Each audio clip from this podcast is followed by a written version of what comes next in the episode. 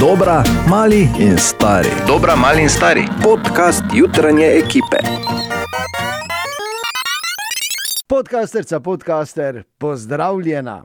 To je podcast jutrajne ekipe, zakaj sem jaz sam, bor cilje rane, zato ker je igral ping-pong v dobrodelne namene. A Katja in Ana pa sta pridni, kot vedno, delata druge stvari. Tu so najboljši momenti naših jutr, med drugim tudi ta veliki petkov, ping-pongaški šesteroboj in vse ostale norije. In se slišimo, zdaj veš, vsak delovnik o petih. Drži se. Želimo dobro jutro. Dobro jutro. Evo, ponedeljek, 17. maj je danes, oziroma, uh, ker je vsak dan pač dan nečesa. Danes je pač zanimivo, zato ker je to neka naša nova realnost. V bistvu, ne. Danes je dan delaj od doma. A? Ja. Oziroma, samo dan, kot mi temu rečemo, ne bor, ja, na ta trenutek. Ja. Ampak uh, se ni, to je nova realnost, pa če je samo to, da si, če si res dolgo doma, že pa delaš, si tako vedno bolj svistco podoben. Ne bor? Kimanje na radio res deluje, čestitke. Cenjeni kolegici, spoštovani kolega, skoraj ne mogoče vprašanje, ker je petek. Vprašanje. Ja. To je seveda zelo narejeno veselje. V bistvu globoko v sebi je vsak posebej živčen, ker noče izgubiti, ker to pomeni teden dni zafrkavanja na svoj račun izven etra. ne? Ja, Meni sem je dvojni pritisk, pred velikim nastopom še ta test. Ne? Tako. Meni je čisto Ja. ja. vseeno, ker jaz sem prejšnji teden zmagala, tako da imam dovolj zdaj za tri mesece. No, tako ti redko zmaguješ, bi si Ja. mogla vzeti dovolj za pol leta. Ja, ne, to se. A Ja, tako smo začeli klad, koljemo pred uh, nastopom, vredno, ok. Torej, skoraj ne mogoče vprašanje. Tudi danes je morda vprašanje veliko bolj spektakularno od odgovora, morda pa ne. In tu je to vprašanje, poslušajte.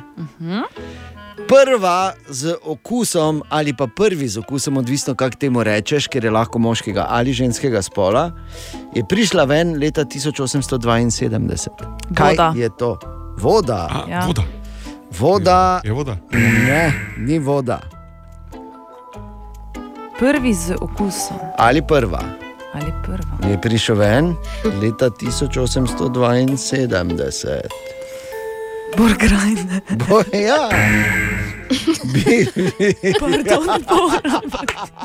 Lahko mi prosim razložiš, Vete, mal, mali aplaus. Mali aplaus. znotraj mene potisnila v, v, v to, da je lahko moškega ali ženskega spola. Točno to. Torej, odvisno od situacije tisti dan. Povej, Kaj diskvalificiramo ali ne, no, daj. vprašam samo? Prva z okusom. Čokolada. Čokolada. Ne, ker je lahko je tudi moškega spola. Ne? Joj. Ampak je pa smer, je recimo prava. Torej, da premaknimo se od stvari povezanih z brušnjo. Ne, ni Coca-Cola. Kakšna ti je bila Coca-Cola brez okusa? Ja, z Kaj je ne, Coca-Cola moškega spola? Coca-Colo. Ne so ponekod rekli. A ja, tako misliš? Tak mislim. Ja. Malo sem rabila, pardon. Ni, ni problema. Do Te, enka ima dolgo, do tezna. Torej, Ja, kakšne namige. prva z okusom 1872, ga pa razmislite. Pa še danes Izo- je to, še danes. pijača ali Ne, ni pijača sploh, Pazi, pazi, pi- tista pijača, tisti napitek. ne pa ni. Nič ni zapit, ok? Ni za pit, je pa za jesti. Mislim, Ja. ne bom vam dal več namigov. Če Torej ni- je za jesti. Žvečilni gumi si rekla, ne Katja? Ne. Ne, ti si rekla, ja, ne, Ana je bila prva. Bravo, Ana. On je rekla Kati, jaz sem rekel tebi, on je rekla Kati. Ne. Ja, veš, da. Bravo, Ana, naše tezensko meso je udarilo spet. Tezenska princesa, Tezensko meso. Vidiš, ja lepi petek. Ja, vrhunsko. Torej, prvi žvečilni gumi z okusom leta 1872. Bravo. In kaj bi vidva brez Ane, o pol petih bi še vedno tu sedela, pa bi razmišljala. Pa kaj te je? No, pa tako kaj da- te je? O, ja. O, Se ja. mi je pa lepo dan naredil. Se ti je, ne, se ti zloži tako. Huh. Ja. Ne. Danes, naj samo povem, bi znalo biti tezno premalo za Ano. Ja. Je pa danes ena prav posebna obletnica. Na današnji dan, pred 25 leti, se je na veliko govorilo in pisalo o Sloveniji, eh, od takrat pa pač bolj v pozitivnem tonu, ne toliko o vseh teh peripetijah, le štiri leta prej. Papež Janez Pavel II. takrat prvič obišče Slovenijo. Katja in Ana sta stari dve leti, Tri. dve, A ja, Tri. pardon, jaz sem bila dve, dve, Ana je dve bila pa tri. pol. Ja, no, ok, se vseeno. Ja. Ne? Bor pa 256 Krom- in v prvi vrsti. Tako, krompir, krompir, to je to. Uh, mi dva zborom smo že uh, počasi uh, se menila, kako smo pa že dolgo na radiju. In bili so to eni taki zelo, zelo, zelo zanimivi časi, kardinal Rode, takrat še ni bil kardinal in je še kadil. Uh, in vse, vse je bilo drugače. Uh, in pri nas na Radio City smo takrat imeli eno legendarno humoristično oddajo, imenovano HBDJKV, oziroma hvala Bogu, da je konec vikenda. Matjaš Alamončalca, pa Stane Bergles, Dejan Štampar in Matjaš Klipšteter so uh, bili na nek način zagotovo legendarni v tem, kar so takrat počeli. In to je bil prvi pravi radijski Monty Python v Evropi, verjetno. In ko je prišel papež Janez Pavel II., se eh, je zgodila ena prav posebna oddaja. Uh, in uh, mi smo to potegnili iz arhive ob taki obletnici, kot je 25 let. Naj samo povem, da se v tem posnetku pojavijo izrazi, drage eh, deklice, dragi dečki, ki jih morda ne poznate, izrazi kot so tolari in čeki. Vprašajte starše ali pa detke in babice naj vam razložijo. Torej, takrat se je v pripravah na obisk svetega očeta govorilo tudi o enih posebnih redih, ki si jih lahko kupil, da si prišel tja gledati oziroma doživeti ta obisk na poseben način. Red rumeni, to je skromni red, 3500 dolarjev znaša prispevek za delno pokritje stroškov in v ta paket sodi brinova vejica, za katero vemo, zakaj se uporablja, potem priročno sedalo, seveda potem tu ne sme manjkati križ svete reke Jordan, pelerina in pa slivov knedl. Red oranžni, 7300 dolarjev. Seveda je ta paket nekoliko bolj obširen in obsega brinovo šibo, priročni lovski sedež, tri kraki, pločevinko ledenega čaja, papa burger, dežnik ali senčnik in No, pri redu oranžni je še 2-kilogramski persil. To je za ta paket za 7300 dolarjev. Modri red je nekoliko dražji, tudi bliže samemu prizorišču in znaša 47 tisoč dolarjev. Tukaj dobimo dolgo brinovo vejo, kamping komplet, stolov, mizica, papa burger, pedigre pal, komplet meni in jugoletnik eh, 87. To je za bolj, eh, bom rekel, prestižne goste. Eh, Ta red je morda res red črni nekoliko dražji in znaša 3 milijone 500 tisoč. Je pa eh, v bistvu ta prispevek eh, možno plačati na 350 čekov, tako da tudi to ni takšen finančni zalogaj. In sicer ta red objema brinov grm, fiksirano usnjeno sedalo do maksimalnega radija oddaljenosti od prizorišča oziroma odra oziroma svetega očeta 300 metrov.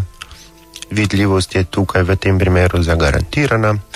Potem je v tem paketu še sezonska smučarska karta, potem je tukaj papa burger, to sta dva krekerja in pa vmes eh, radvanski golaž. In pa potem je tu še kot največje darilo Škoda Octavia Caravan v metalik barvi. No, skratka, tako smo se takrat pred 25 leti pripravljali na papeža. Papa, Pa če, Burger. ja, pa, pa če kdo preračunava, ne, ti čisto na hitro 3 milijone pa pol dolarjev, 15 tisoč evrov. Ja, eno, kaj pa je to? črni. Jo, No, kaj pa kaj je to pa? takega za to, Za kar ti cerkev? nudi? Ha! Za, seveda. Dobro jutro. Dobro jutro. Dobro jutro. Ena od treh, treh, treh. Jutranji sprehod po zgodovini popularne glasbe. No, in svoj 55. rojstni dan je praznovala verjetno edina Jehova priča, za katero bi bil vesel, če bi mi kampirala pred vrati. Janet Jackson. Včeraj je bila 55. A, ali ste vedeli, da je celo ji bila ponujena vloga v prvi matrici bratov, takrat bratov, zdaj sester Vačovski? In je rekla ne, ne. Jennifer Lopez je kariero pri njej začela kot plesalka. In pa jasno, da je sestra verjetno največje pop legende vseh časov Michaela Jacksona. Janet in to vse ni nič v primerjavi s tem, kar je bilo v polčasu Super Bowla v nastopu s. Justinom Timberlakeom. Ne bomo pozabili tega, ne da. Ne, ne hočem samo povedati, kak je, mislim, tu masto. Da, ne glede na vse, kar je naredila in dosegla v življenju, in bila v življenju, se vsi spomnijo, potem, da je enkrat zizo pokazala, mislim, halo. Slabo. Njen glasbeni doprinos pa je seveda izjemen v hitih, kot so Together Again, Everywhere I go, every smile I see, I know you are there, smiling back at me. That's the way love goes, recimo.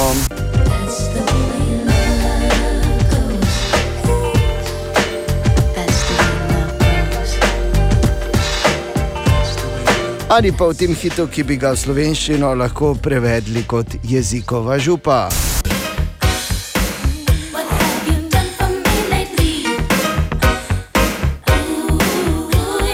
Ne.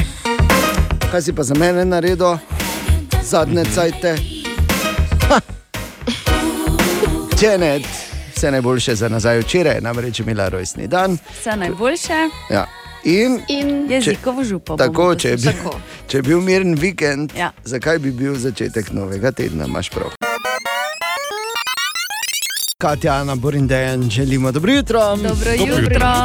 In to je res super v Sloveniji, kot smo slišali, pojemo največ zelenjave v zgodovini do zdaj. In eh, mi res resno vzamemo, ne? ko je leto sadja in zelenjave, takrat je to, ko je leto onega, te ono. Ampak zdaj, ko smo ravno tu, da smo vrhunski zelenjadarji, naj pozdravimo tudi vse ostale kolegice in kolege, ki jim pač zdaj očitno odžiramo.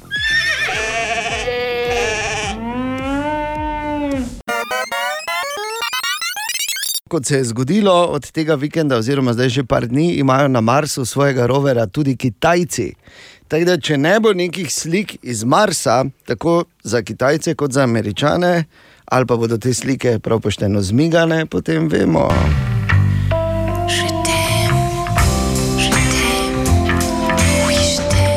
Pravijo, če že nad tisoč metrov nič ne velja, kaj šele na tisoče kilometrov stran. Huh. Je malo pobrusijo lagere, ne, kot se reče. Uj, uj, uj. Oh. Ok, dovolj. Tako, Katjana, Ja, Bor. ja, Okay. Pazi, gremo se izloči vsiljivca. Povedal bom štiri trditve, ena ni pravilna, ABC ali D. Okay? ok. Trditev A. Umetna inteligenca lahko zdaj analizira tvoje Fortnite skile in ti predlaga, kako bi bil uspešnejši ali uspešnejša. B. Sony je patentiral drone, ki se postavijo v takšno konstelacijo, da recimo pri kakem glasnem dogodku zunaj dušijo zvok. C.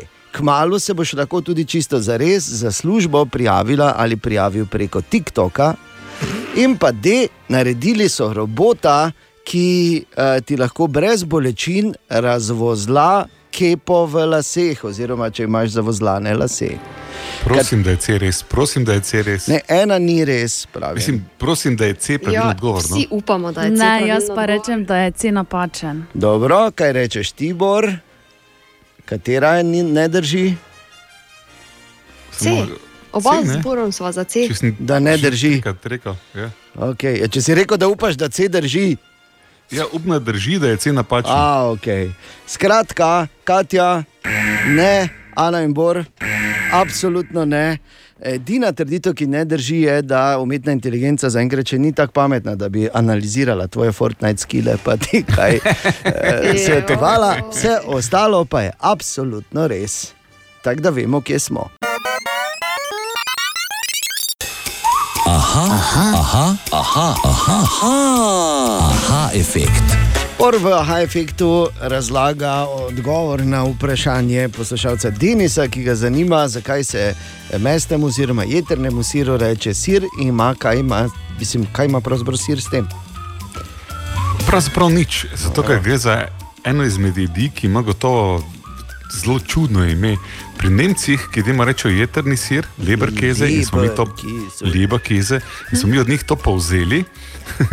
Eh, je moče malo bolj logično, ker so včasih pa mleli jedrca in dodali uh, te pravzaprav mesni štruci. To je notor mleto meso, uh, ki po strukturi še moče najbolj spominja na mleto hrenovko, toliko kvaliteti tega, kaj se notor melje pa daje. Ampak um, zanimivo, uh, to ne vsebuje sploh ne sira. Tako da tisti, ki bi šel na idejo, da je to sir, je verjetno aludiral na to, da se pa reže tako dol po kosih kot sir, v očitno pomankanju tega, da bi pri njih doma tako dol rezali mesno štruco. Ja. Ampak leberkeze, jedrni sir, uh, mesni sir, to je vse ena in ista jed, ki mimo grede, kako dobi to gobasto, mehko strukturo. To je uh, skrivnost za deset let, res tako rečemo temu. Um, do, dosežejo to ne z tem, da bi dodali maščobo, ampak zdrobljen led dajo notri in ta se potem pri peki stopi in notri ostanejo te luknjice. Ja, te ne. ja, res lepo. Ja. Naj samo povem, da ena od razlag je, ker to recimo v Minhnu za južno jejo v sveži kajzerci notri. Ne? Ja. topli leber keze, pa sveža kajzerca, da je bil en, ko so si jedli sir noter, ne? Pa en tudi bil, pa ni hotel izstopati, pa so rekli, kam imaš to rjavo, pa je rekel, leber keze. Leber keze. Obstaja varianta, da pa je to res bilo tako. ne? Ali tudi vi pogosto totavate v temi? Aha efekt, da boste vedeli več. Dobro jutro. Dobro Dobro jutro. jutro. Dobro jutro. Torej, ta vikend je bilo v našem mestu še več cepljenja kot običajno. Samo ne Eh, ravno za COVID. Ja. Ja. Torej, bila je ena posebna akcija in sicer se je imenovala Zdravo v naravo. Deseta Tako. jubilejna cepilna akcija bi morala potekati v parku, če že zdravo v naravo, Mhm. ampak ne COVID, dež. Ja. In je bilo v UŠC, seveda, klopljen, eh, torej, klopljenje. Cepljenje za klopni meningoencefalitis, jasno da. Mm. Izjemno koristno cepljenje, še enkrat, ker ti taki mali hudič lahko uniči življenje ne samo tebi, ampak celi tvoji familiji. In uh, najprej, ko sem prebral, da bo to v parku, sem si mislil, vidiš, kako primerno. Ne? Tako da bi imel AA sestanek v gostilni. Tako da greš domov z parka s klopom, samo cepljen. Da, ampak eh, šalo na stran, eh, super, ogromno Mariborčank in Mariborčanov se je odzvalo, mi smo tudi bili tam na cepljenju. Ne, šestič sem že. Zato, ker je ceneje, kot pa če grem redno. Enostavno, ful, ful, ful me imajo vse radi. Zaradi straha preklopi, ker sem preveč v naravi. Tretjič, zaradi nevarnosti okužbe. E, slišal sem od e, ljudi, da se pač okužijo in da so v zelo slabem stanju, da se zaščitimo, ja, ker je e, le, hudo je, če človek zboli za temi klopnimi okužbami. Prvič smo prišli obeti po prvo dozo, tretjega pa smo dosti v naravi, v gozdu in se mi zdi, da je to pametno. Ne? Samo fajn je, da smo se zaščitili. Jaz smo čakali na to akcijo, ker smo vedeli, da je, ne? drugače bi pa verjetno tudi šli. Ja, tako se htela že lani, pa bila korona, pa, pa bilo malo tako vse narodno. Uh, pa tudi, ne, da si kaj vem, ti na pohorja ali pa v gost, pa se hitro, se mi zdaj lahko zgodi, da dobiš klopa, ne, pa Slovenija je zelo razširjena, ta bolezen. Ki je zanimivo, ko to poslušaš čist drugače, kot če bereš komentarje o cepljenih. Ne? Ja. Sami pametni razlogi in res je. Fajn je imeti v mislih svoje zdravje in dobro počutje, tako sebe kot svojih bližnjih. Tako da super, Mimo grede. Pa vsi, ki ste zdaj slišali, da dan poziva k cepljenju proti COVID-19, ne, niste vredo slišali. Klopni meningoencefalitis. Mimo grede, kdo od nas je vse cepljen proti temu? Jaz grem naslednji teden. Dobro. Resno? Ana? Ja. Resno. Bom se pridružila ker ja, tako. cepljena. Bor, Jaz, tak, dokler ne grejo v center mesta, sem še ne. Dejan, Ti si pa cepljen. absolutno. Jaz sem pa cepljen že dolgo in samo osvežujem vmes. Pomembno je, Torej, ker prvič, ko je trikrat, potem pa samo še osvežilni. ja, pa na vsakih pet let ali nekaj takega. Ne, nekaj takega je. ne, ne spomnim se, ne me zdaj za Ja, besedo koliko držati. so meni povedali, Koliko? koliko je prva doza, pa pol je že čez dva meseca, Tako, druga, druga. tretja je pa potem naslednje leto. Ja, Pol potem pa. na dve ali tri leta Ali celo ja, tako. Pojma nimam. Skratka, imam cepilno, ker mi not piše, kdaj moram iti. Tako ali tako zamudim, pa potem grem, pa je uh, nas gubi še enega življenja. Zaradi tega, ker tudi mene imajo klopi zelo radi, oziroma tako bom rekel, glede na to, kam mi skoraj vedno grejo, imajo zelo radi en čist določen del mojega telesa, oziroma pod določenim delom mojega, ne bom zdaj razlagal, ampak samo povem. Ponedeljek je danes, da samo Kati razlagam. Ja, Tri minute čez pol deveto. Bi Ja, še kaj? vidim, ampak si pa ne hvaležen, dejan, zato ker Katja ne, ima ta fina subliminalna sporočila, ki so relativno očitna. Ali moram res jaz prevesti, da je sreda lahko sobota, če hočemo? Ja. Vredo je. Ti pač, vse je vredo, se ni problema. En bo mogel šefu to reči, zakaj bi mogel biti jaz. Dejan, Morate vedeti samo, da pač Katja nosi boru vratovino in pol pač. Aha, lahko vsaka ja. najmanjša stvar, se veš, marsikaj se da z prašičem kupiti. Kviz brez Google. Oh -oh. Bomo špilali zraven, bomo sred zdaj, ne? Bomo sred Dejan.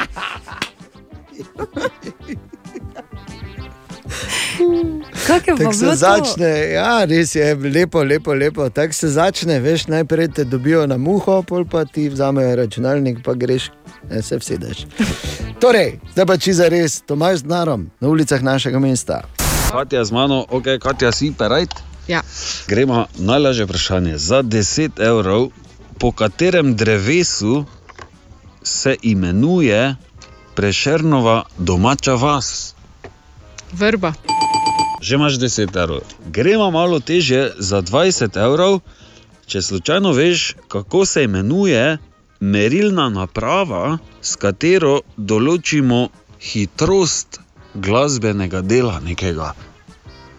Veš, merilna naprava, ki meri, eh, kako bi ti rekel, če ti dam namig, tempo glasbe. Veš, ko dela. Ja, ja, ja. Um, metronom. Metronom, bravo, super, že imaš 20 evrov, gremo še teže. Za 30 evrov, če bi ti znala meni povedati, slab katere reke je slab Rinka. Hmm. Vsi smo že bili tam, ampak katera reka to? Um, Savinja. Savinja, odlično.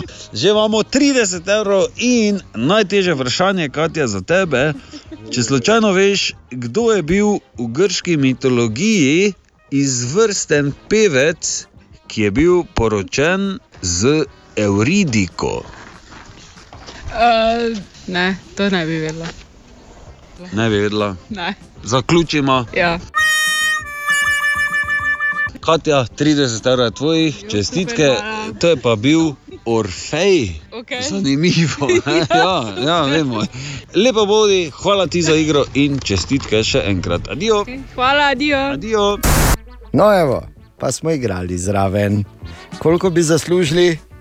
No, povej. Bolje pa skoraj vse. Mi dva zborom 40. Tako. Ne, jaz bi šel prek Savinje, ti bi šel prek Orfeja, rešeno. 20 Rešeno. vsak, roka. Kviz brez Google. Oh -oh. Želimo dobro jutro. Dobro jutro. Dobro jutro. Ja, kaj pa te, nov dan, gremo, torek, 18. maj, ne?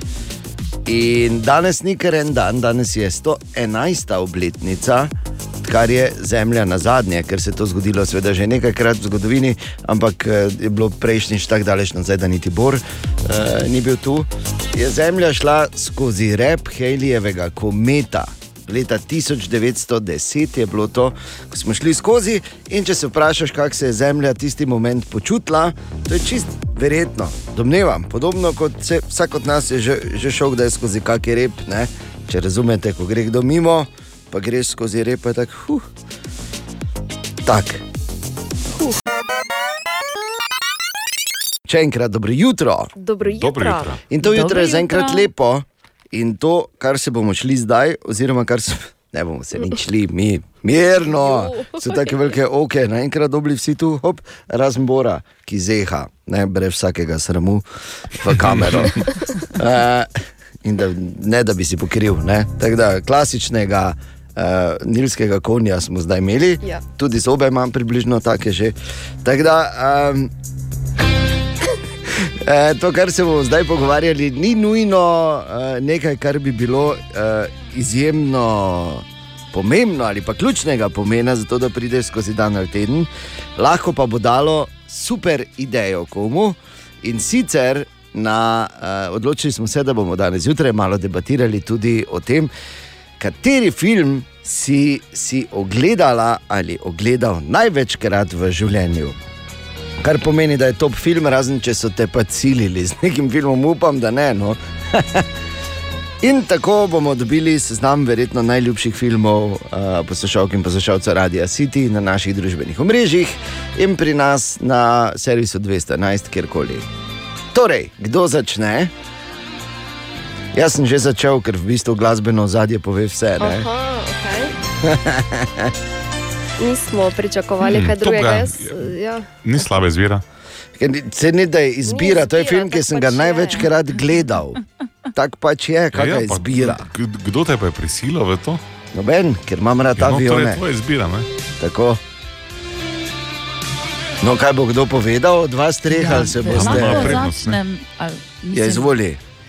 I- V bistvu je serija filmov, ne? ker Aha. pač je Harry Potter. Ne? Ah, Harry Potter, ok. Ja. Jaz pa mislim, da je neprisiljeno bilo, ampak pa, pač to veš, ko gre mimo, sam doma. A sam doma, homolon. Ja, je kar pri vrhu. Ja, ampak To je taka praznična tradicija. Tako. Bor pa dirty dancing, ne bor? tako. Ne, v bistvu mm, matrica. A? Ja. Tudi zelo zgoraj pri meni, moram reči. Ja. Uh, sem pa priznam, dvakrat gledal Titanik. Res? Ja, čeprav sem že sem šel gledat, sva vejo, kako se konča.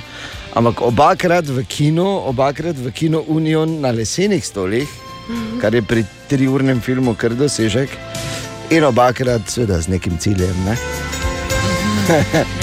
Ker Zakaj bi se šel drugače mučiti? Tri ure v kino. Okay, kaj pa tvoj film, ki si ga gledala ali gledal največkrat? Povej nam, napiši na družbenih omrežjih Radia City ali pa pokliči servis 211 in povej. In tako se bo oblikoval en zanimiv seznam, ki pride morda prav že naslednjič, ko bo deževalo.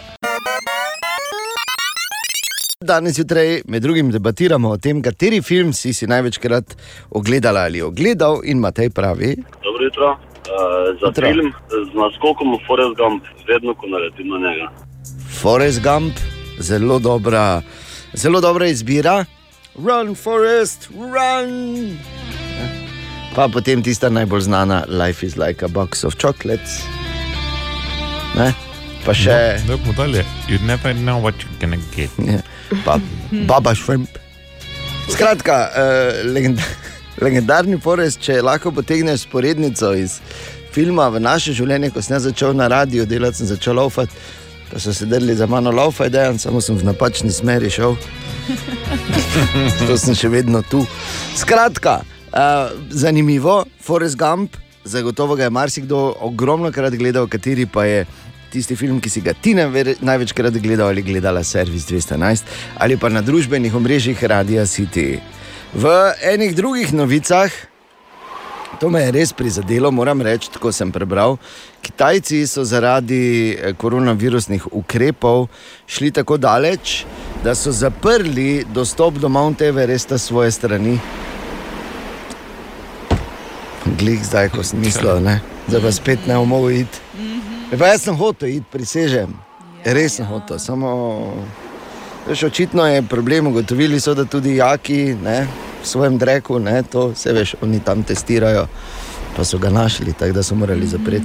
Ne, jaz sem full hotel iti, res samo zdaj pa spet, spet ne mogo iti. Razumeš? Ne? Bogi, Ja, bogi. pa ti pravim, se bi, jaz bi, samo Kitajci ne pustijo. Web, web, web, web check. Torej, kaj se piše, Katja? Conor McGregor je že tretjič postal očka in sicer se mu je rodil sinček. Lepo. In Čestitamo. ziger je mali najprej narezal vse v porodnišnici. Tam. Strokovni prijemi. pa, pa dol, pa kimuro, pa kaj je. Okay. No. Imamo eh, recimo tudi novo teorijo zarote in sicer na fotografiji iz leta 1995 iz tekme Majka Tysona. naj bi dvoboja, v bistvu ne. Ja, pač on je, on je na fotografiji, bil je dvoboj in on je na fotografiji. Aha, ok. Tam naj bi bil tudi nekdo, ki je pripotoval skozi čas. Kaj ti na fotografiji naj bi nekdo držal smartphone, torej pametni telefon? In to štiri leta, ali tri leta preden so ga izdali. Ne? Ja, Lahko pa da je bil pač nečak od. Ampak se vseeno, hočem povedati osvežujoče, da ni teorija zarote povezana z COVID-om. res Zelo je. osvežujoče, tako No, da se 5G je veselim. povezan s COVID-om, telefon s 5G in. Dobro, no, bor. To se že za, za lase privlečene. Ne? To že malo siliš, da nisi prestopil na ono stran. Hočem samo povedati, da sem z veseljem prisluhnil. Hvala, Katja. Z veseljem sem povedala. In pa uh, še ena super novica, sicer za moške malo manj.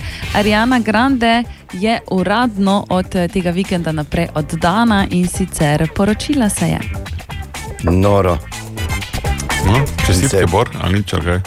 Ja, pa Ja, daj, no. Kaj pa, eh. čestitke, Bor. Ja, čestitke, Bor, da si nisi kolka zlomil čez vikend. Web check. Katja, Ana Borindejan, želimo dobro jutro. Dobro jutro. Ja, in danes zjutraj debatiramo o tem, kateri film si, si ogledala ali ogledal največkrat v življenju. Rudi. Dobro jutro. Hotel uh, za film povedati, Peru je tukaj. Jaz, sem, jaz pa sem največ rad gledal film Moj ata socialistični kolar. Pa še danes ga rad pogledam, pa se nasmejim do vseh. Haha, ja, res je. To smo ogromno krat gledali tudi, ne? koliko jih je šlo po pesnici. Vse vemo. Vlasta. Dober dan za najboljši, največkrat pogledan film. Titanik, sigurno desetkrat. Je pela. E, pa še vedno vlasta smo razočarana, ne? ker uh, vseeno jaz mislim, da je bil plac za dva na koncu tam gor. In pa Jure. Bravo, Jure tukaj. Za tole, kdo, kjer naj film si si največkrat pogledal, ne? Jaz je preko Gone in 60 Seconds, ne? Wow!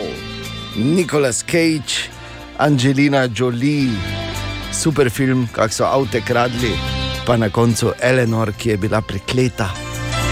Wow, super. Se meni zdi, ali samo jaz gledal vse te filme, o katerih se pogovarjamo? Ne, ne, ne, ne, Seveda nisi niti približno ne edini. Okay. Razen Borg je rekel, ja, seveda. Ja, edini pošten v tej debati. Ne? Ja, tako je, en mora biti Borg. Jaz mora sem jih gledal, samo sem tudi posabil, da sem jih. Ja, to. Okay. Torej, kaj pa ti, uh, povej na naših družbenih omrežjih, Servis 211, povej na Radio City App, kateri film si največkrat gledal ali gledal. Seznam delamo zato, ker nikoli ne veš, kdaj prav pride.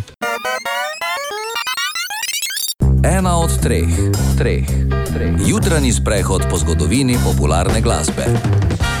Tako svoj 73. rojstni dan bo praznovala Grace Jones. Grace Jones, ki je še zdaj me je strah, je prisežem. sem bil uh, mlajši, ko sem videl prvič v tistih filmih, pa to. Še danes imam nelagoden občutek, čeprav je seveda zdaj gospa že starejša, sicer pa izjemna manekenka, ne, izjemna tudi igralka, ker če mene še danes strah, ko sem jo gledal v, se veš, v onih ful dobrih filmih, ko je Švarceneger bil tudi pa to. In, Je, je, je, je tako nekako, neko, da je z drugega Wow. sveta, se mi zdi. Ja, prav strašljiva je, da ne govori sploh. Uh, mimo grede uh, so ji ponudili tudi vlogo v filmu Blade Runner, v tistem originalnem. In uh, je rekla ne, ampak je bilo potem tako žal, samo enkrat rečeš, ne, je fertik, ne, se veš. Uh, in tudi nikoli v življenju ne bo smela več v Disneyland, noben, ker se je tam enkrat slekla med nastopom. Je še vedno poročena, ampak je svojega moža na zadnji videla leta 2000. Ja, pa srečen zakon. ja, ful, ja. Zdravi. Po mojem ga je pojedla, pa ne vejo. v vsakem primeru, Grace Jones, eh, ne samo da je izjemna umetnica, tudi izjemna pevka. Uh, njeni hiti so tako kot ona, v bistvu malo drugačni, ali pa seveda uh, njene priredbe. Torej, uh, recimo, njen pogled na tango zveni takole. Strange. I've seen that face before.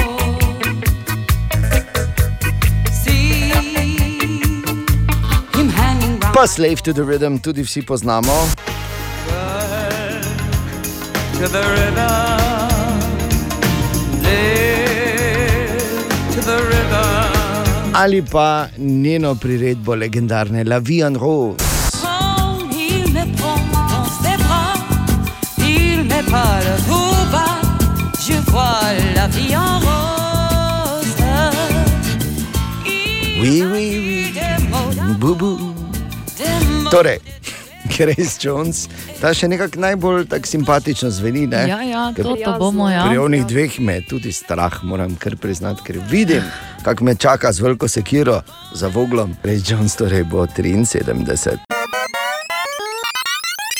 Želimo dobro jutro. Dobro jutro. Ja, pa dobro jutro, lepo pozdravljeni. Danes je 18. maj, tudi znan kot Svetovni dan muzejev. Oziroma, to so tiste stavbe in prostori, skozi katere hodi Bor, gleda in reče: Aj, ja, ja, ali, oj, oj. A, ne. Hej, kaj pa, ko smo to. Danes zjutraj na naših družbenih omrežjih in na servisu 211 sestavljamo seznam, ki bo prišel prav enkrat, ko bo spet šel dež. In to niti ni tako daleč stran ta dan, ne Katja. V bistvu res ni, ne. bo že jutri, Žal. pa že danes popovdne. No, ampak dobro, da ne bomo zdaj šli uničevati vse, kar je lepega sonce prineslo na to zgodnje torkovo jutro. Raj prisluhnimo, kateri film si gledala ali gledal največkrat v življenju. To je seznam, ki ga sestavljamo, seznam poln dobrih idej. Radko. Ja, zdravo. Hotel sem povedati za film Radko tu. Jaz pa mislim, da sem gledal največkrat uh, poslednji samuraj, pa bitko na Neretve. Pet do sedemkrat približno. Wow. Ja, te je all perfect. ja, ti cvetovi ja, na japonski češnji. Ja, če kako mu je že bilo ime? Uh, glavnemu samuraju. Ja, je neka gava, nekaj je bilo na koncu, ne spomnim se. Ja, a, ampak super, ja, pa Tom Cruise, kak najprej pride tak, pa pije, pol pa je trezen, pa samuraj. Ja, vrhunsko. Zlatko. Dobro jutro, zdaj samo za ta največkrat gledani film povedal, da sem gledal Top Gun najmanj desetkrat. Pa te na lepo pozdravite. Enako, zlatko, enako. To smo mi dva, ne, oziroma Miko, znamo ceniti kvaliteto. Ne? Ko vemo, kaj pomeni F14, puni gas, afterburnera pa. Marko, Dobro jutro. Uh, največkrat gledam film. Ne? Z moje strani je bil to lov na rdeči oktober. Pa prek 20 krat. wow. vrhunski film tudi. Ja, Sean Connery je zbriljiral. eh. Ja, pa Alec Baldwin. Ne? Kot, uh, če ki kaj že, oh, ki je bil Shadow Recruit tudi kasneje. Ah, vse vseeno, ne ta imena, ta imena, z leti to tako gre otroci. Joj, ne morem vam povedati. In pa, Miki, kaj pa ti? Dober dan, Miki pri aparatu. Torej, glede teh filmov, jaz bi se vrnil enih slabih 40 let nazaj in povedal, da sem uh, zavestno v enem letu 11 krat gledal film uh, The Wall Pink Floyd, ki ga je režiral Alan Parker. To je en krasen film, kombinacija čudovite glasbe, animacije in pa takih res odkačenih scen in vrhunska vloga Bob Geldofa kot glavnega igralca v vlogi Pinka. Hvala lepo, lepo zdrav, Radio City, držite se naprej. Enako, Miki, super. Ena zanimiva uh, stvar pri teh filmih, glasbenih oziroma glasbeno-dokumentarnih filmih je, da zelo redko ima slabe ocene. Zato, ker jih običajno gledajo in ocenijo samo fani, določene skupine. Seveda. Pač In dokumentarec vedno osvetli malo dogajanje v ozadju, in je seveda sploh za fene to neverjetno uh, privlačno. Jack Ryan je ime, ki sem ga iskal prej, pa mi je zdaj seveda prepozno prišlo spodaj levo. Not. Ampak v vsakem primeru. Prvo, ki si ga iskal. Hvala lepa, ni bil nagava, nič ni bilo nagava, slabi spomin, titi. Torej, kateri film si gledal ali gledal največkrat, delamo seznam za takrat, ko bo prišel prav, pa ga bomo imeli pri roki. No, naj povem eno zanimivo situacijo, oziroma opišem, v kateri smo se našli. Med številnimi društvi, ki delujejo v Mariboru, je tudi društvo Trepetlika, društvo, eh, ki združuje člane. eh, Ki trpijo za Parkinsonovo boleznijo, za seveda pomoč in seznanjanje, in tako dalje. Društvo Trepetlika pa organizira to soboto tudi prvo državno prvenstvo igralcev namiznega tenisa s Parkinsonovo boleznijo, eh, katerega častni pokrovitelj je sam predsednik države Borut Pahor. In seveda bo to v dvorani tabor, kjer sta čisto slučajno ping-pong začela igrati tudi dva v- rekreativna, seveda dva velika športnika, Fras in Medvar. Beseda je dala besedo, Trepetlika je vrgla na mizo izziv, ekipa treh. Fras in Medvar sta razmišljala, rabiva še enega, kdo je najprimernejši glede na nasprotnika, Borg Reiner. Oblikovala se je ekipa Radia City. Ta petek bo veliki dvoboj in da ne bi slučajno kdo mislil, mene za eh, ekipo Društva Trepetlika sploh ni strah, ker pravi trepetli so na oni strani. Dobro jutro, ekipa Radia City. Kaj, Ja. um, Dobro jutro. Dobro jutro. Optimistično, hvala. Ja, ka- seveda. lahko nekaj v imenu ekipe povem, preden gremo dalje s tem katastrofalnim si ti projektom. kapetan? Si Nisem kapetan? kapetan, najprej ti, izvoli. Uh, dobro jutro. Dobro jutro, kapetan, ja. Radio City. Pozdravljen. Zdaj pa, če, če bi ka- kapetan lahko en stavek povedal, Lahko, samo ker imam eno bojazen. Torej, vidim dva možna scenarija. Ne? Ali bomo mi ljudi, ki imajo Parkinsonovo bolezen, nažgali v ping-pongu, kar je nekaj, s čimer se ne bi javno hvalil v mojem življenju. Pa tudi se ne bo zgodilo, tako da si lahko kar miren. Ljudje, ki imajo Parkinsonovo bolezen, nažgali kot.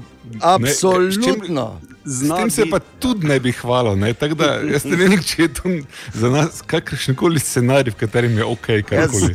Kak je, recimo, kaj pravi kapetan, uh, ja. ki ima v svoji ekipi dva praktično dvometraša, kar je redko v ping-pongu?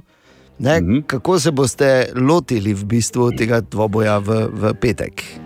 Mi se zanašamo na kvaliteto nasprotnika, kar pomeni, da upamo, da bo nasprotnik eh, večkrat zabijal, kar pomeni, da bo žoga daljša, kar pomeni, da bo ta, ta dvometraša te žoge dobivala, ker dajmo si nalit čistega vina, dvometraši pa eh, koordinacija nog včasih ni. Včasih. Zna biti. Da pač Kritična. Smreka stoji, pa ima dolge veje, ne bolj tako bo, po mojem, zgledal. Ne vem, kak je Marko, ne, ampak jaz imam še drugi problem ob tem, da tudi noge ne delajo Da najboljše. star, da ne. tudi Refleksi niso optimalni pri rokah. tako da- ja, no. Marko, Jaz sem tudi bolj počasen. Dobro. Bo zelo Važno, zanimivo. da se igra. Absolutno. V petek zjutraj med 8 in 9, tudi uh, z neposrednim prenosom pri nas na Radio City, ekipa Trepetlike, ki bo imela eno lahko segrevanje pred državnim prvenstvom, ki bo naslednji dan, in pa ekipa Trepetlov Radio City, v kateri so kapetan Medvar, Pač Marko Fras Trepetli. in Borgrajner. Tako, ja. ne zamudi. O, Tine! Dobro jutro, Tine. Dobro jutro. Evo. Dobro jutro. Dobro jutro. Visoki, Zdrav. visoki obisk, tako kot je bil zdaj vrh Brdo Brioni, imamo mi studio 2, studio 1, vsako jutro tu ne. Brdo Brioni. ok, Tine. Kdo sem jaz od stotih? Nehru, ne? Ne, prosim, se nisi rekel ne uvrščen, nikoli. Vredo je naser, bor. Gaddafi. Joj, da. Torej- Tako zbiraš, ne? Zdaj, ali si Džaferovič ali Komšič, ne? Dodik nisi, to je. Ne, Ne, nobeno tudi, nobeno okay. to je bila samo metafora, ki mogoče ni bila najbolj posrečena. In gremo dalje.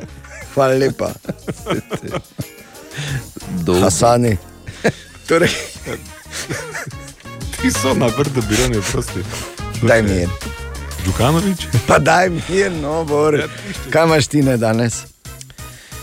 Leta 2009 so se na univerzi v Montrealu spravili delati eno um, raziskavo in sicer ja. kakšna je razlika med moškimi, ki gledajo pornofilme in moškimi, ki še nikoli niso gledali pornofilmov in so mogli uh, prekiniti, zato ker niso enega najdli, ko še ni gledal.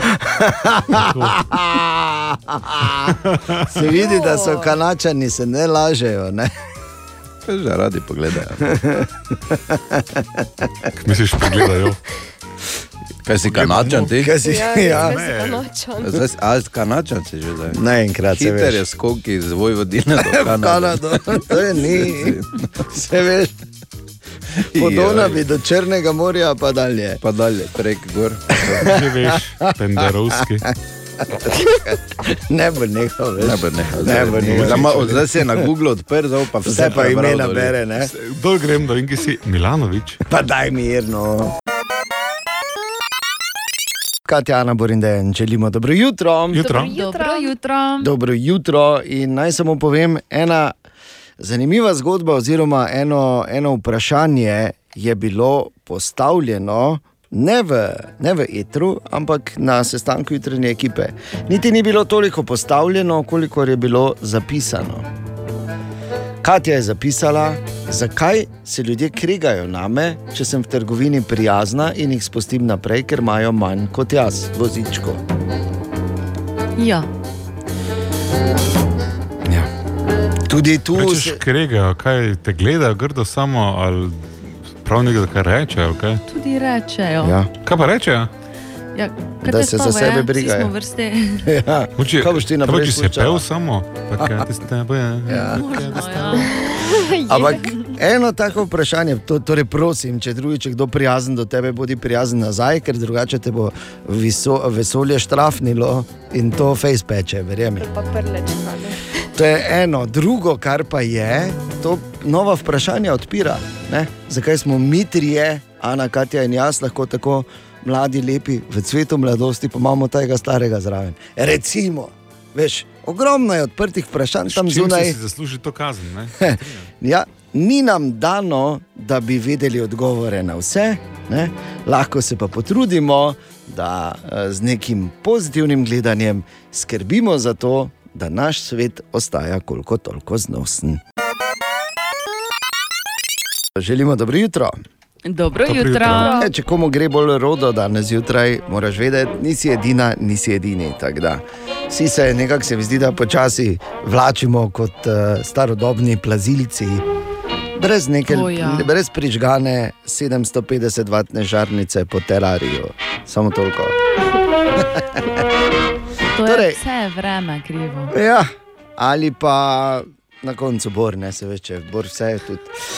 Bi, bi lahko bil, ampak zdaj gremo malo nazaj v preteklost. Danes, oziroma na 19. maj, se je zgodilo eh, kar nekaj zanimivih stvari, ampak gremo tam v rano mladost, kolega tam v 16. stoletje. Leta 1536 na današnji dan, denimo angliški kralj Henry VIII oziroma Henrik VIII zaradi domnevnega prešuštva, da obglavi svojo drugo ženo en bolin. Ne, brez. Joj. domnevnega, kar pomeni v 16. stoletju je bilo tako, ne, ni, mislim, nikoli ni lahko biti ženska, si predstavljam. Glede na to, kar je. Ne, ne bi slučajno kdo mislil, da vem, ne, ne morem vedeti. Ampak si predstavljam, eh, takrat pa sploh ni bilo, ne, ker ne glede na to, kaj si naredila, ne, še vedno se lahko odločijo, da te ima poln kufer. In to ne pomeni, da če ostanem pri tej metafori, si pakirala kufre, ampak pomeni, da pač se znižaš za glavo. Barbarski časi, ne? Barbarski časi. Ja. In to v bistvu samo 500 let nazaj. Leta 1580 pa denimo prav na današnji dan Karel II. Avstrijski podpiše pogodbo o Lipici, kjer nastane znamenita kobilarna. In samo zaradi tega, ker se je on tam podpisal, ker mi smo konje naredili, zredili, vzgojili, naredili tako lepe, da so sivi, oziroma črni, ko se rodijo in potem v take čudovite, bele živali zrastejo. eh, In tako krasno, ponosno potem korakajo, ko so dresirani, a, zdaj pa hočejo, ne se veš, nazaj ne, pa se lažejo, da je njihovo. Pa Karl je samo prišel, pa podpisal, ko so rekli, Karl, da je pridi, no, da je no. Že zdaj rabimo, zdaj tu se samo podpiši, pusti to. Nas sprašuj, zakaj ti se samo podpiši, pa že glu, glu, glu, glu, glu. glu. Približno tako je verjetno bilo v Lipici. Pred tudi skoraj da 500 leti, oziroma pred uh, daleč nazaj. Skratka. 10 minut, če 6 ura, kratek skok v zgodovino, samo da vemo, iz zgodovine se moramo učiti. Tako da, uh, kar smo se zdaj naučili, je, da ni lahko biti ženska in da je Karli podpisal. Web, web, web, web check. Ok, in zdaj kaj pišejo po, po spletu, po družbenih omrežjih, minus Eurosong, to bomo imeli malo kasneje. Ja, tako. Uh, Barack Obama je, imel je v zadnjem svojem intervjuju dobil vprašanje, če res obstaja ta skriven laboratorij, kjer imamo noter vesolce. Američani, imajo notne. Ali mi ljudje, Ja, mi ljudje se mislijo, Okej, no, ampak in? drugače pa američani. In uh, je rekel, da ne, da žal tak laboratorij res ne obstaja. Je pa res, da pa imajo predmete, ki, za katere, oziroma ki jih ne znajo. Um, razložite, odkot prihajajo. ja, tako. Samo tako bom rekel, če je rekel, da ni laboratorija, pol ziger je, samo toliko. In če bi, jaz postal, ja, če bi jaz postal predsednik Amerike, bi prvo zahteval, da me peljejo tja. Ali pa bi, ali pa bi streljal. Če me razumeš.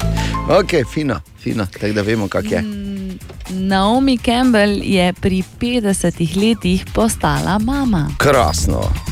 Ne? Kam se zaganja, Bor bi lahko rekel, ne? ti z tvojega zornega kota. Pa dobro, no, boljše pozno kot nikoli. Je pa Ja, res. Ne vem, če to za žensko ravno drži. Ja, Ja, oprosti. Je pa, bo, je pa ena stvar, da je pa to lahko rečemo še enkrat več, uh, vrhunski dosežek moderne medicine. Ne? Najbrž. ne to, da je ona rodila pri 50-ih, da se ne bomo na robe razumeli, to kako izgleda.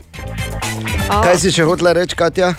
Ja, eh, zraven tega moram dodati, da nikjer v bistvu ne piše, da je ona rodila. A, Tako da samo otroka ima.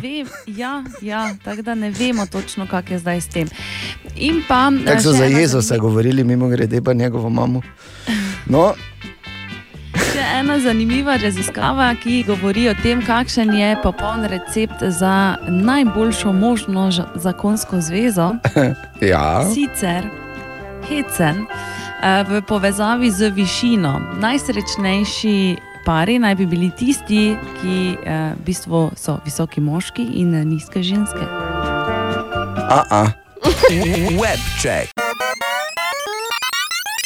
Torej, včeraj je bil prvi polfinalni večer na Eurosongu. Jaz svoj nisem gledal, pa bom kar takoj vprašal. In prvo stvar, ki me zanima, ali smo prišli v finale? Ne, nismo. Ampak v Tolaž bo tudi Hrvaški ni uspelo. Kaj vedno moš pogledati, kak je pa ljudem okoli tebe, gre v življenju. Ne, vsi smo padli, v redu je, bomo šli na novi spit. Zdaj, po prvotnih načrtih bi na odru v Rotterdamu morali imeti 41 držav vse skupaj. Končna številka je potem bila 39, ker se je Armenija z tekmovanja umaknila. Pametno, Eh, je pa res- pametno. Je pa res, da je v prvem polfinalnem večeru, torej včeraj, bilo 16 nastopajočih, od skupno torej 39, veliki finale v soboto, a na Soklič je bila skladba Amen druga. Um, Na sporedu, ne, ne na koncu. Ne. Ne, ne, druga je bila. Nastopala je druga. Okay. Mi ne vemo, kakšen je bil na koncu vrstni red natančno. Vemo samo, da ob Sloveniji so izpadli še Avstralija, Severna Makedonija, Irska, Hrvaška, Romunija in torej mi, Norveška, Izrael, Rusija, Azerbajdžan, Malta, Litva, Cipr, Švedi, Belgijci in Ukrajinci pa so šli naprej. Zdaj, naša skladba je bila um, zopet nova inačica, ni bila ta s prepetom jazzile, kot smo slišali pred uh, kratkim. Um, je pa imela nekaj zborovskega petja poudarjenega. Mm, jaz zdaj seveda nisem glavni žirant na Euroviziji. Hvala Bogu. Tudi ne če bi rad bil, ker od teh štirih, ki so bili na odru včeraj, tista četrta, nič je imela 2,20 m. Ja, no. In- Da te poje, če na robe poveš.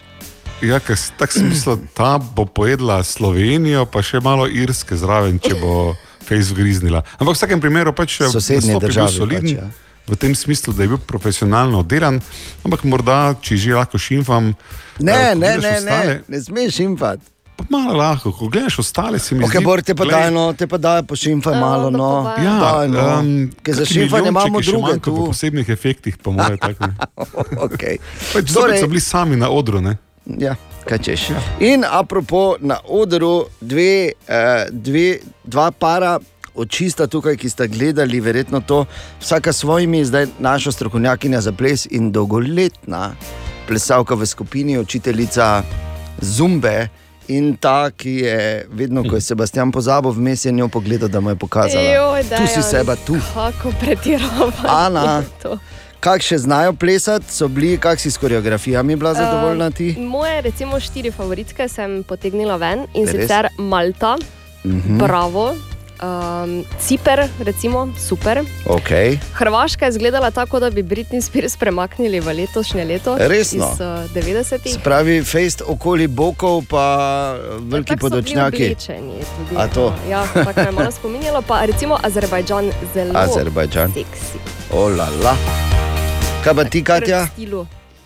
Kaj pa jaz? Ja, Jaz sem bolj cote gledala. ne? tako. In?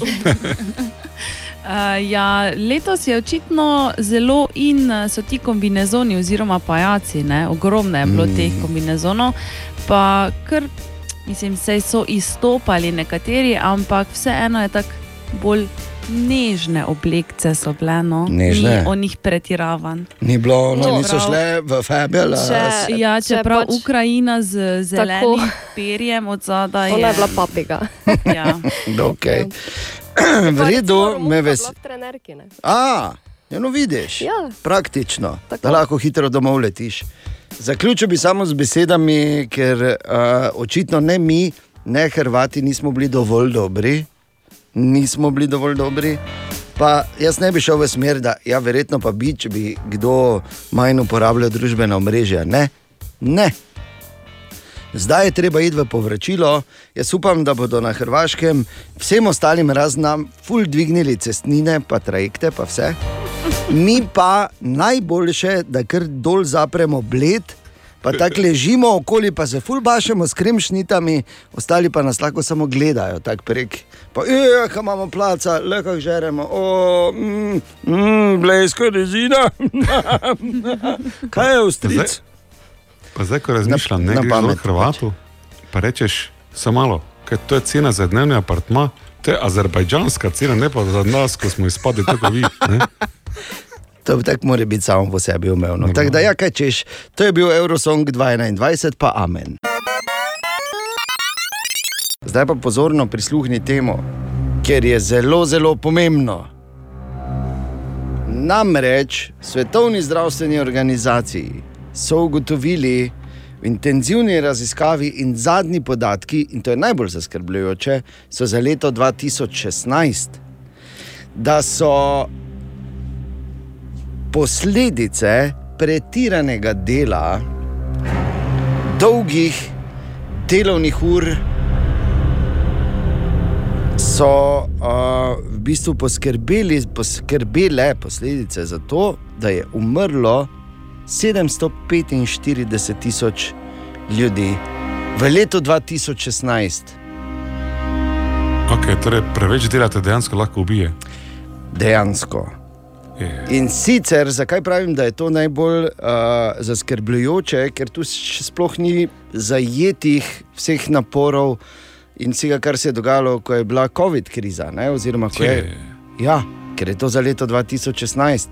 In pravijo takole. Vsi, ki delate več kot 55 ur na teden, kar se da ogromno, to bi pomenilo uh, približno 11 do 12 ur dnevno, od ponedeljka do petka, ali pa malo manj dnevno, od ponedeljka do sobote, ali pa samo malo manj dnevno, od ponedeljka do nedelje, imate skoraj 40 odstotkov večjo možnost, da vas rukne. E. Ja. In 20 odstotkov večjo možnost, da uh, imaš težave s srcem, tako pravijo pri Svetovni zdravstveni organizaciji. Preveč dela, preveč stresa, dokazano. Zato, ker jaz in mislim, da Katja in Ana govorim za vse nas tri, ne?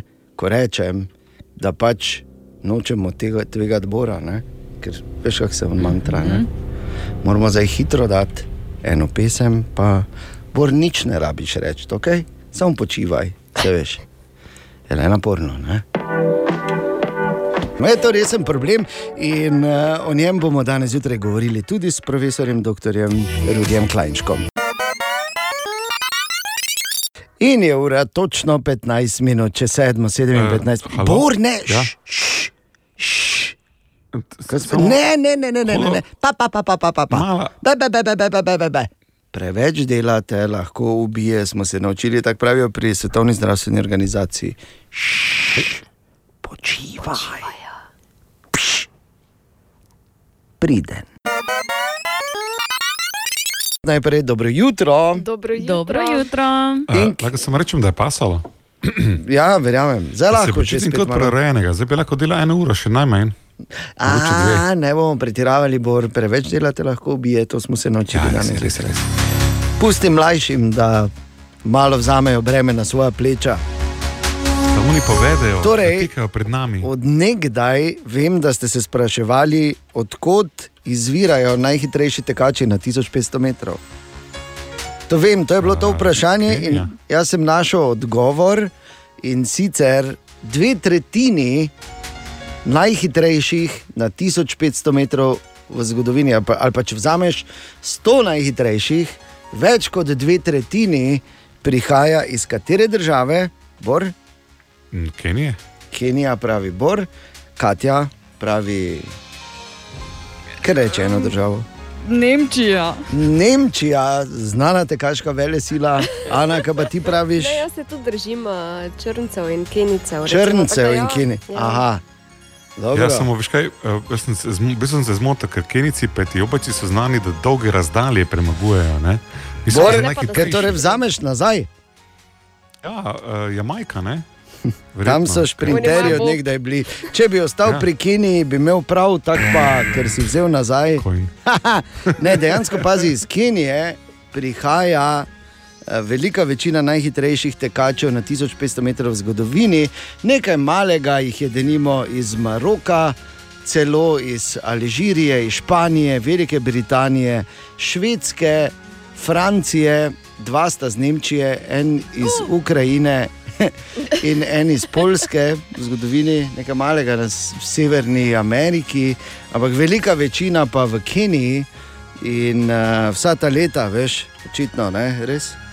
Veš, genetika ni pes, kot se reče. Ne? Mm, Štiri minute pred polosom. To je samo, ker sem vam hotel odgovoriti. Ker vem, da ste se vi to vedno spraševali.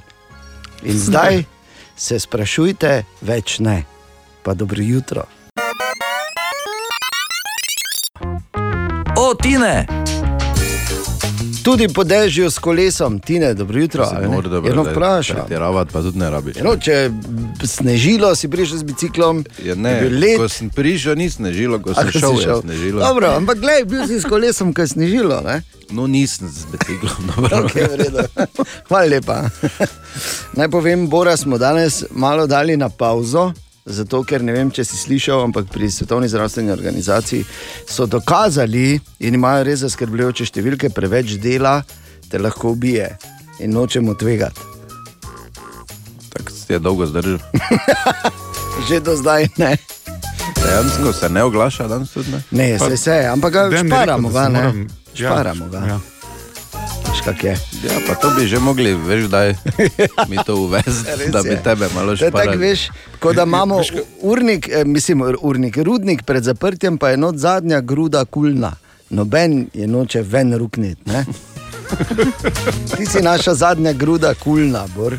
Ali pa ko en kos pice ostane, pa noben noče bi vzeti. tudi prej bi bilo bolj tiho, verjetno. Tako imenovani sramežljivček. ne. Okay.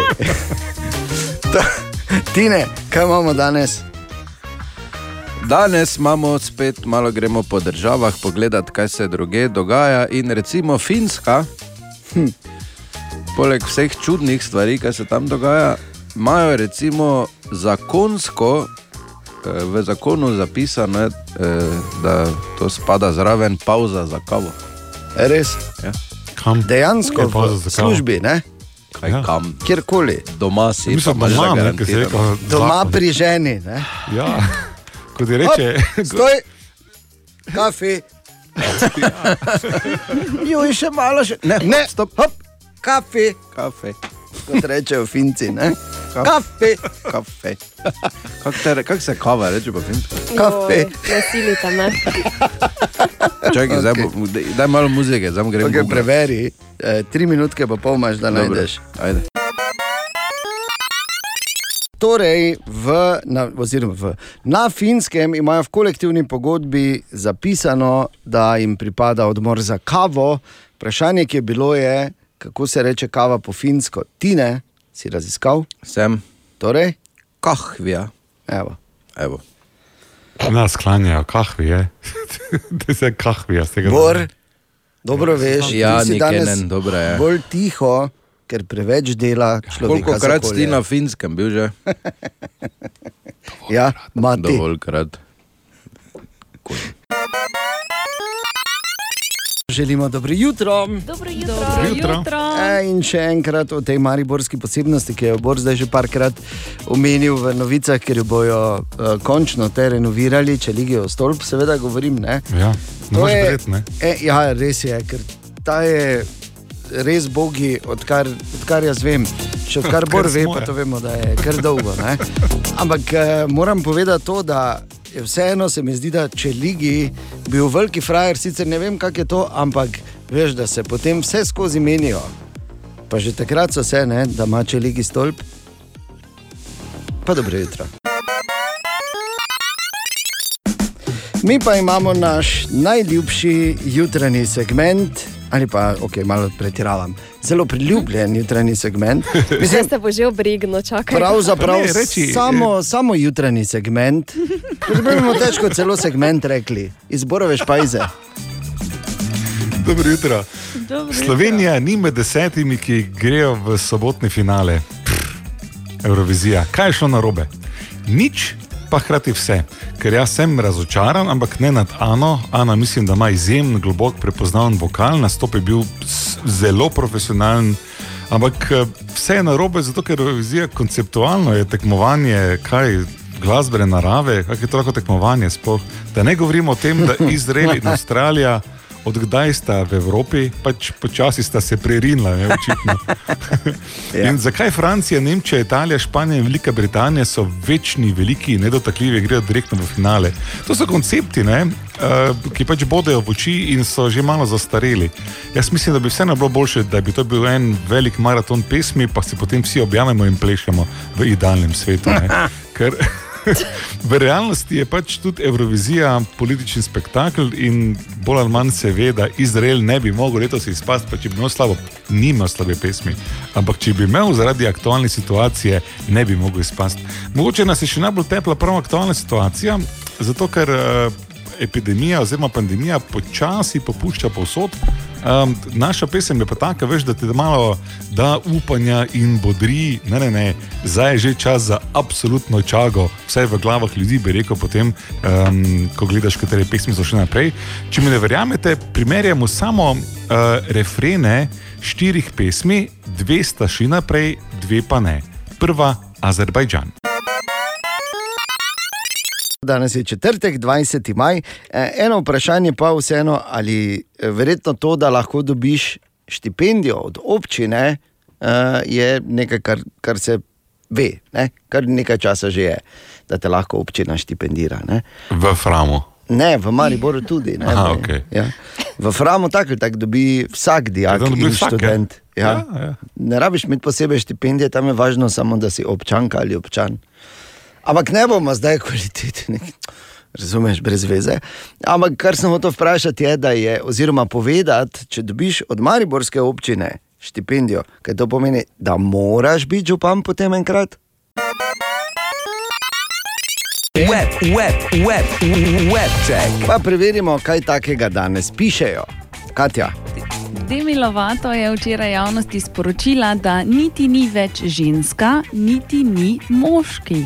Ako se Ja. identificira, misliš? Ne, Kot brez, ja, ne, A, okej, se ja. več ne kot ženska. In ne morem verjeti. No. V bistvu je brezpolnik in želi, da jo nagovarjajo z oni oziroma ono. To je, enostavno, gre, enostavno gre preveč in predaleč grejo te stvari, ker kakorkoli obrneš, vse smo lahko mi pametni, pa ne vem kaj pa. pa, bla, pa je. Ampak ne moreš iti mimo naravnih zakonov. Ne? Spodaj za cingla, fantek, ne za cingla, punčka. Pertik. Amen. Prvi uradni se trailer razkuril. serije Franc je zunaj. Noro. Če še koga zanima, A, a. lahko gleda. In uh, še enkrat opozarjam, 27. maja, torej vsi gledamo zadnji, zadnji, zadnji del Franca. Ne, ne gledamo vsi 27. Ja, gledamo. maja tega. Ja.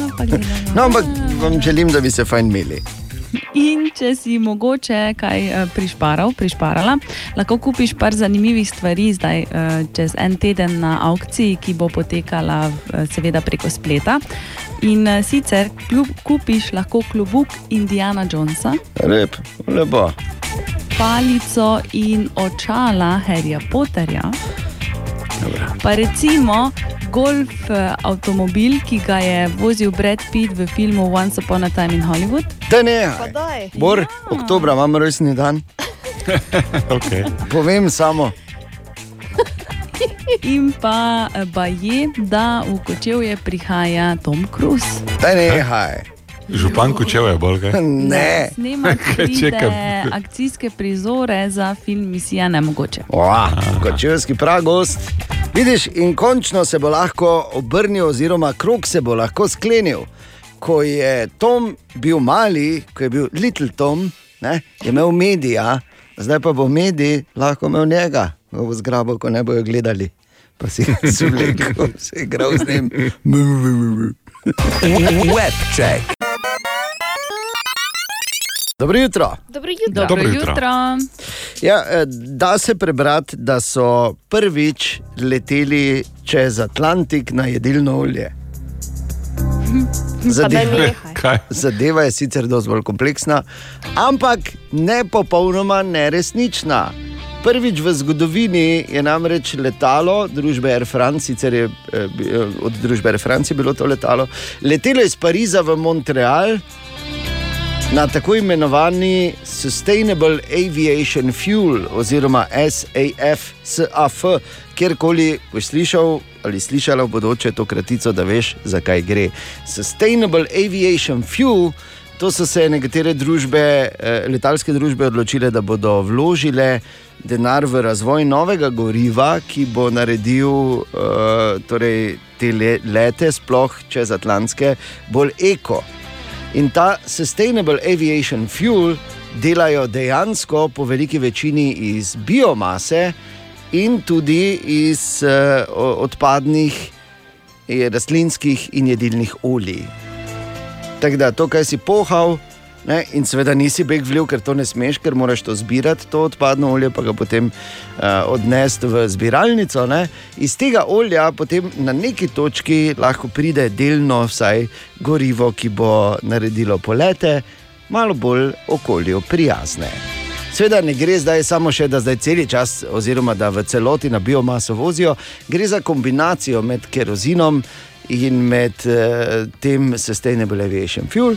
Ampak korak v pravi smeri zagotovo je. Problem, ki ga zdaj ta trenutek to predstavlja, je, da je pridobivanje tega goriva uh, precej drago.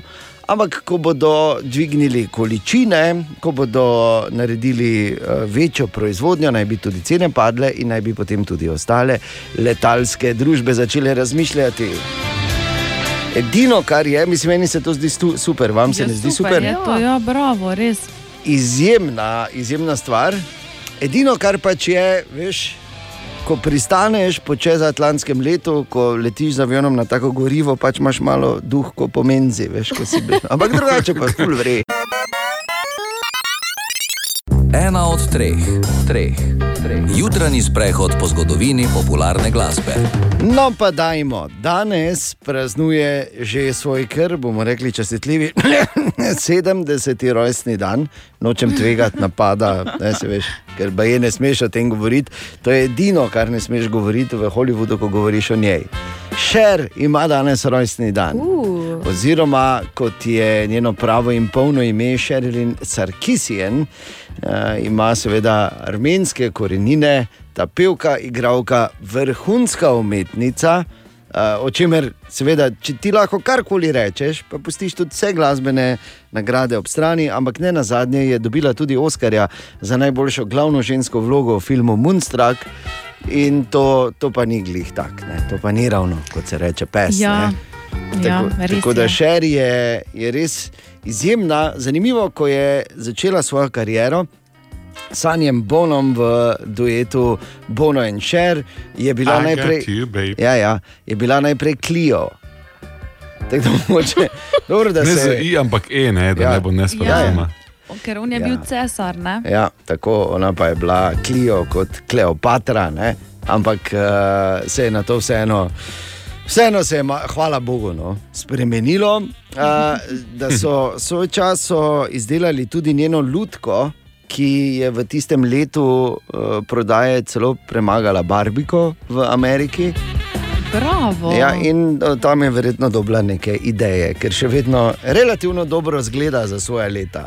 Številne hite je šer tudi v glasbeni zgodovini, svojem glasbenem ustvarjanju posnela, ampak eh, ko rečeš glasba in šer, je samo ena podoba, ona na velikem kanonu.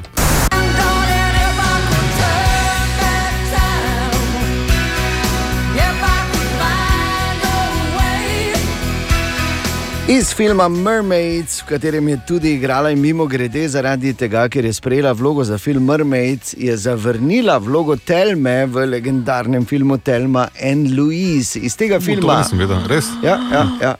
The Shub Shub Song.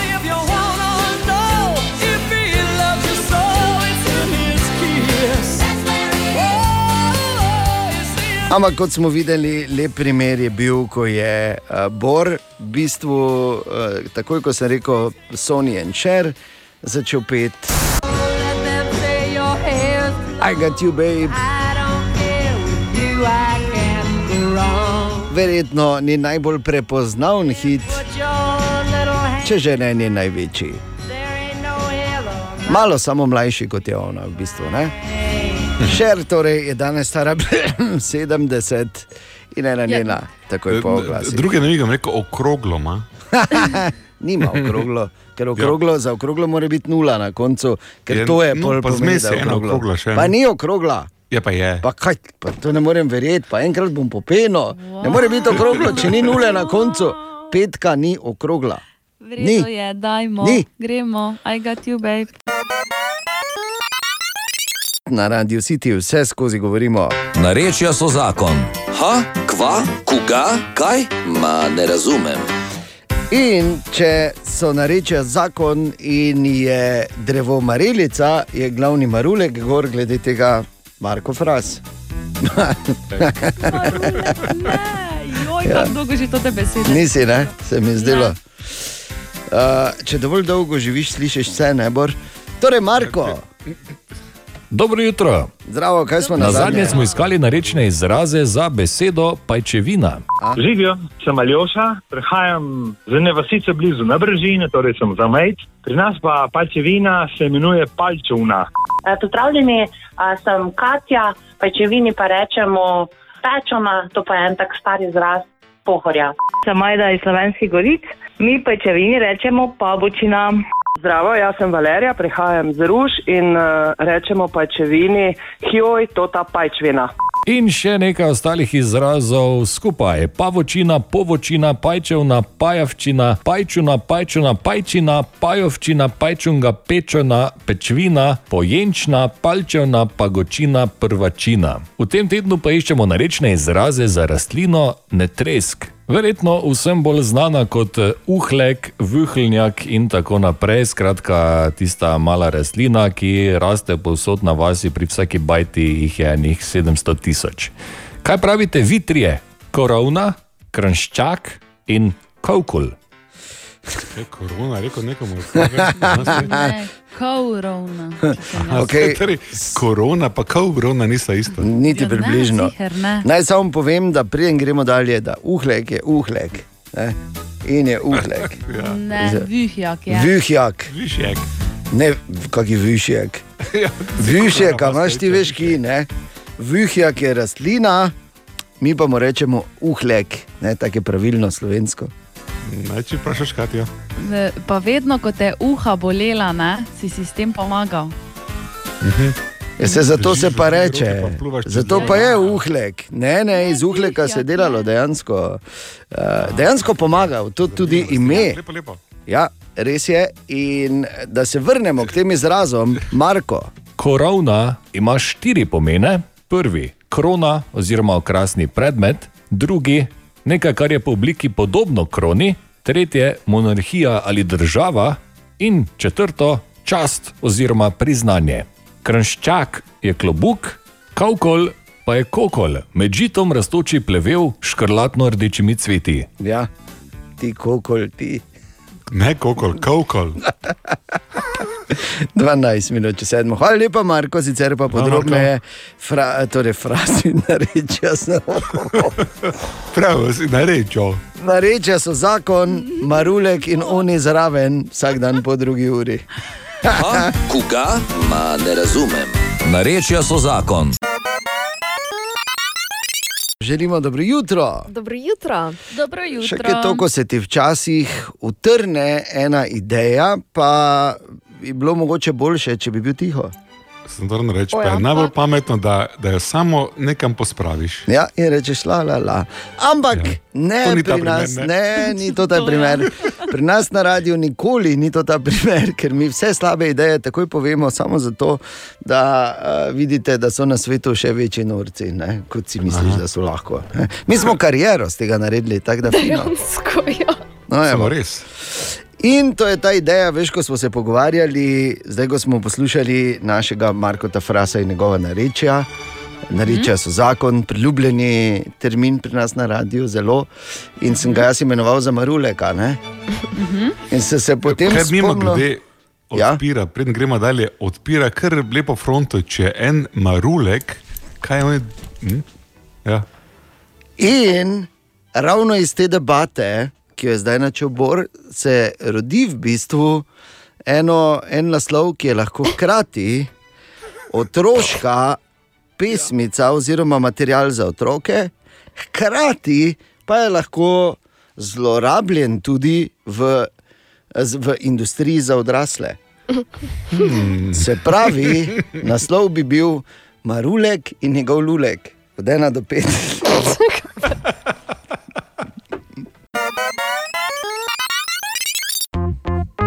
O, Tine! Dobro jutro. Dobro jutro. Dobro jutro. Kar je zanimivo, se vidi, da veliki umi enako razmišljajo, da so imeli s Tinetom včeraj zvečer enako, mislim, čisto enako sva razmišljala in agirala ob koncu tekme Olimpija Tabor, ko je Tabor dosegel zmagoviti gol po veliki napaki vratarja. Ne? Tine, ja. Oba smo bila najprej razočarana, ne? mislim, Ja, veš, ono, sem za te tako- Oh, šijo. O, bogi. Te sem pa na Netflix dal dalje. Jaz pa sem šel spat. No, evo, vidiš. A pa pokazal sem nekaj, ne? Mislim, Ne, neko emocijo, osnovno, ja. človeško. Ne, Tad nismo živali. Res je. Mislim, No, ne, se kaj tako, je res je. Kaj bomo rekli, ti ne Ja, danes? Nekaj, ne, dober še del emocij, par ur nazaj pusto ven, ker veš, da sem bil nervozen. Ne. O, ja. Pri Sandiju sem gledal. Ah, lepo. Da sem njega skoraj vun vrgel skozi balkon. pa vse skupaj. Njegovega stanovanja. Verjamem, ja, ampak eh, bomo rekli tako, kot ti z desetimi, tekalno uničiš ekipo, ki je v polni postavi, ne, potem veš, da, da nekaj. Teda nisi slab, no, Ja, ampak ja, ne. oni pa so. Tako. No, da je kvalitetna razlika med njima velika. Ne? Ne, to... Tako bi lahko rekli. Tako bi lahko rekli. Tine, kaj imaš dan za eno zanimivost? Ve kdo, kaj je, zdaj, če prevedemo, nizozemska pečica oziroma Dutch oven.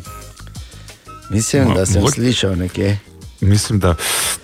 Ne, Mislim, Nima veze nobene s tem. Prokleti. Jo, drogerant. Drogerant. Samo to tega Kaj? govori.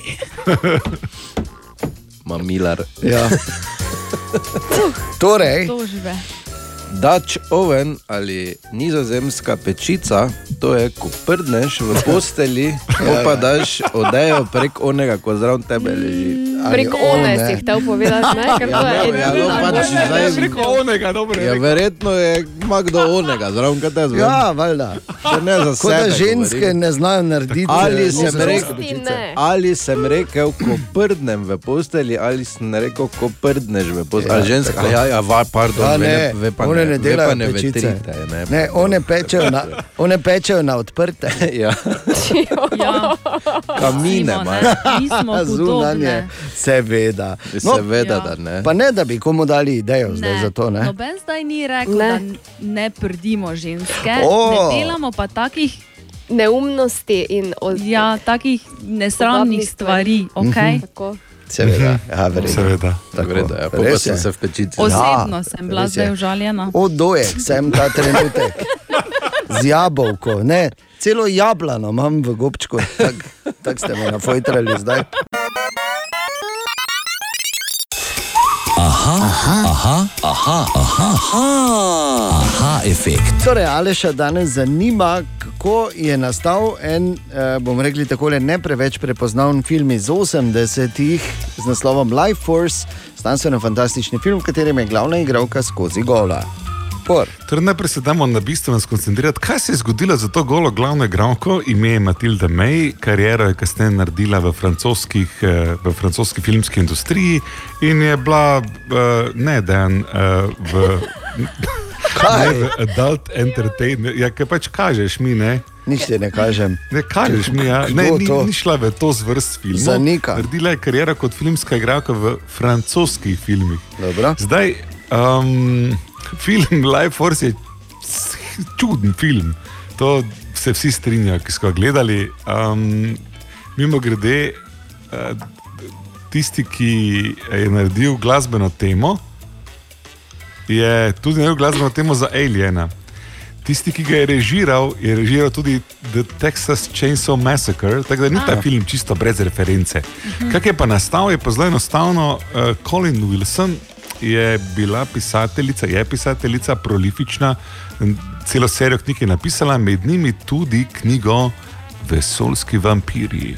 Ampak ker ti ne moreš posneti filma z naslovom Vesoljski vampirji, je pač to šlo v Life Force, no in so si. eh, Znan prizor iz filma je pač, ko oni tako iz ust v ust tako energijo srkajo. Življensko silo oziroma energijo. Ja. In to je ta cela zgodba. grede, no, še, še moče ta zanimivost eh, v knjigi in tudi v filmu. Ekspedicija obišče Helijev komet, kjer je vesoljska ladja skrita znotraj korone. Da te nehajno. Oh, joj. Popeniš. Samo malo, prejdemo dalje. Mi, vesoljski eh, poznavalci, vemo, kaj je korona. Ne, da? Ja. Ampak je korona. Absolutno.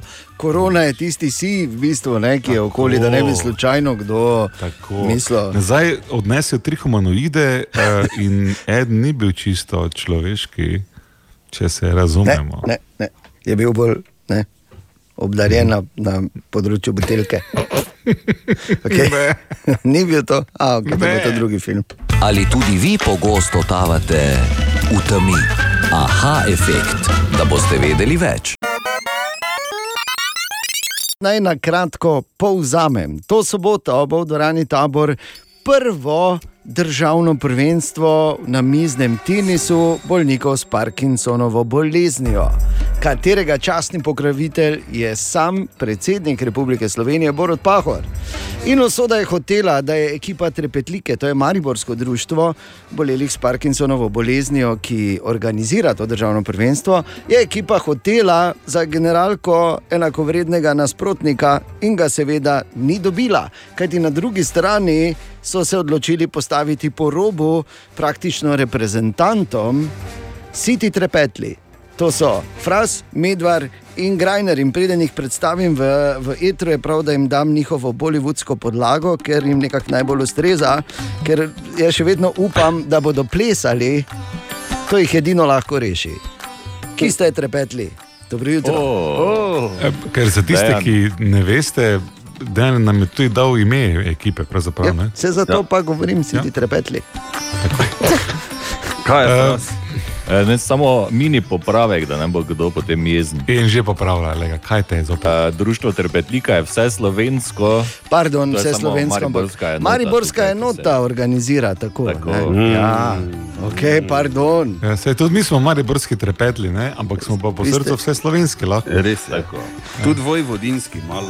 No, mislim, tako bom rekel, imamo ekspoziture že po svetu. Ok, ne. Vse imamo, fantje, samo veš, kaj nimamo, fantje, strategije, fantje, samo malo, počasi. Jutri med 8 in 9 sledita veliki dvoboj dveh ekip, dveh trojk, ki se bodo pomerile dan pred državnim prvenstvom. Jaz absolutno ne bi dal denara na vas, ampak me, pa vseeno, ampak me pa vseeno zanima, kako je zdaj stanje znotraj ekipe, kapetan Fras. Ali Medvar, pardon, pardon. Kaj, kaj se je spremenilo? A ja, Kaj, kaj, kapetan Medvar, pardon. Pa, pa zakaj si kapetanski trak ona da podajati? Kaj jaz pa nisem zrel za to? kaj? Ne, malo- nisi. Ti si preveč zraven. Pa, Torej, da povejta. zdaj Govorimo o tem, da če lopara nisem dobil niti pa meter mi ga Imam jaz, že. imam jaz, lopar za tebe. Bor, uh, Okay. stanje imaš, tako, samo jaz da- ga nimam še. Kdaj smo bila fras v torek? Da. Torek je bil uh, uh, prvi dan priprav, kjer sva delala na moči, danes je drugi dan priprav, seveda sva v drugem ciklu, uh, v ciklu pred tekmovanjem, torej danes je na sporedu tehnika. Kaj pa Bora ne vzame ta sabo na te treninge, vidva, ker on je v vajni zakaj imamo treninge, Si ti mene. Bor je v službi. Ja, vedno. Okay. Bor dobro ve, da je v ekipi samo zato, ker ima vso to tehnično opremo, kajti v petek bomo se javljali. ne. Ja, to je jutri, mimo grede, to je jutri. Jutri, petek. Ja, 24 ur, manj kot 24 ur je do začetka, ker je jutri med 8 in 9. Joj, joj. Tako da, Eh, Naj samo dodam, Ja. ja. dejan, pardon, da smo ker- uh, v torek videla, malo več kot z eno oko, malo gledaš, ne? Ja. druge mize. In? Da ne boš mislil, ne? da so oni zdaj kar nekaj, tako brez veze. ne, jaz pobor, vem, recimo. da oni niso kar nekaj. Ker smo malo bila in smo videla uh, nešteto zabijan z backhandom, kar je zelo neprijetno pri Ja. ja. ping-pongu. Naj samo Zelo. spomnim, da sem jaz uh, tudi enkrat igral, imel priložnost igrati z enim od reprezentantov in sem dobil ja. lepo po piksni. Tako Ja. da. Tako da jaz točno zdaj, vem, kaj vas zdaj, čaka. Smo že tukaj eh, na očeh javnosti, zakaj sem jaz v tej ekipi domnevno najslabši? Mislim, kdo je to razsodil? In... Bor- si ti tako ponavadi v športu. Vprašanje, vprašanje je definitivno, poslušaj. V katerih mi sploh konkuriraš, medvar. In in tu se konča. Kaj pa plavanje, odbojka, vaterpolo, vodna košarka. Vodna. Ping-pong nisem slab. V redu, v redu. Naj samo povem eno stvar, da kot vidite, znotraj ekipe City Trepetli so trenja, kar je seveda slab Niso obet trenja, to- pred jutrišnjim. Bi pa samo rekel, da je zelo slab obet tudi dejstvo, da je kapetan si že za zajtrk ob pol devetih naročil polnjene lignje.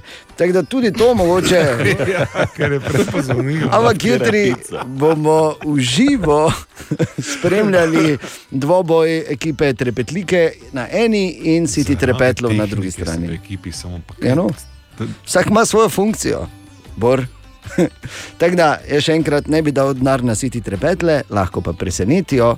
Zadevo bomo spremljali jutri zjutraj v živo. Kviz brez Google.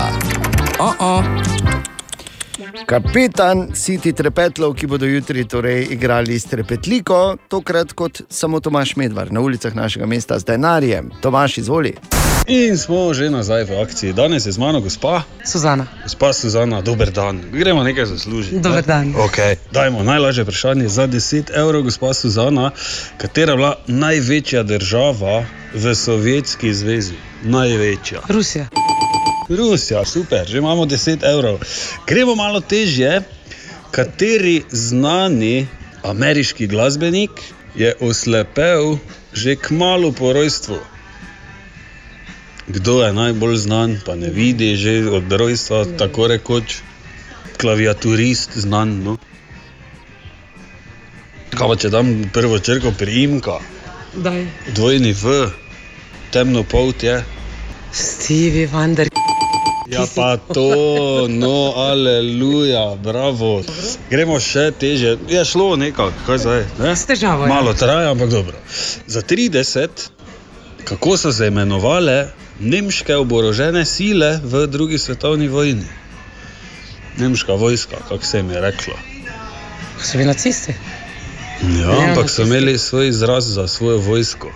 Pa ki ste še Ja. zdaj? Ja. Nacisti, SS-ovci, nacisti, kaj še bolj? Fašisti. Res je, ampak za vojsko ime so oni imeli svoje. Luftwaffe ne, so imeli za avione, Fašisti. fašisti. Zdaj zadnji odgovor. Ja. Ni prav, žal. Eh, 20 evrov je vaših, gospa Suzana, Eh, to pa je tako imenovani Wehrmacht, se je reklo. Tudi na dvojni V. No, vemo zdaj, ne? Če Vemo. pride kjer iz Avstrije. Vemo. Oziroma z Nemčije. A pa pač tam nek. V redu, hvala za igro. No? Hvala tudi Lep vama. dan, nadijo. Tudi vam. In je ostalo še najtežje vprašanje, in sicer katere barve sestavljajo zastavo Ekvadorja in kako si sledijo. Hm. Rumena, plava, rdeča, ne? Zastavo Ekvadorja sestavljajo naslednje barve in sicer vodoravno so to rumena, modra in na koncu rdeča. Taj denar. Te lahko vprašam eno intimno stvar. Kaj? Kak?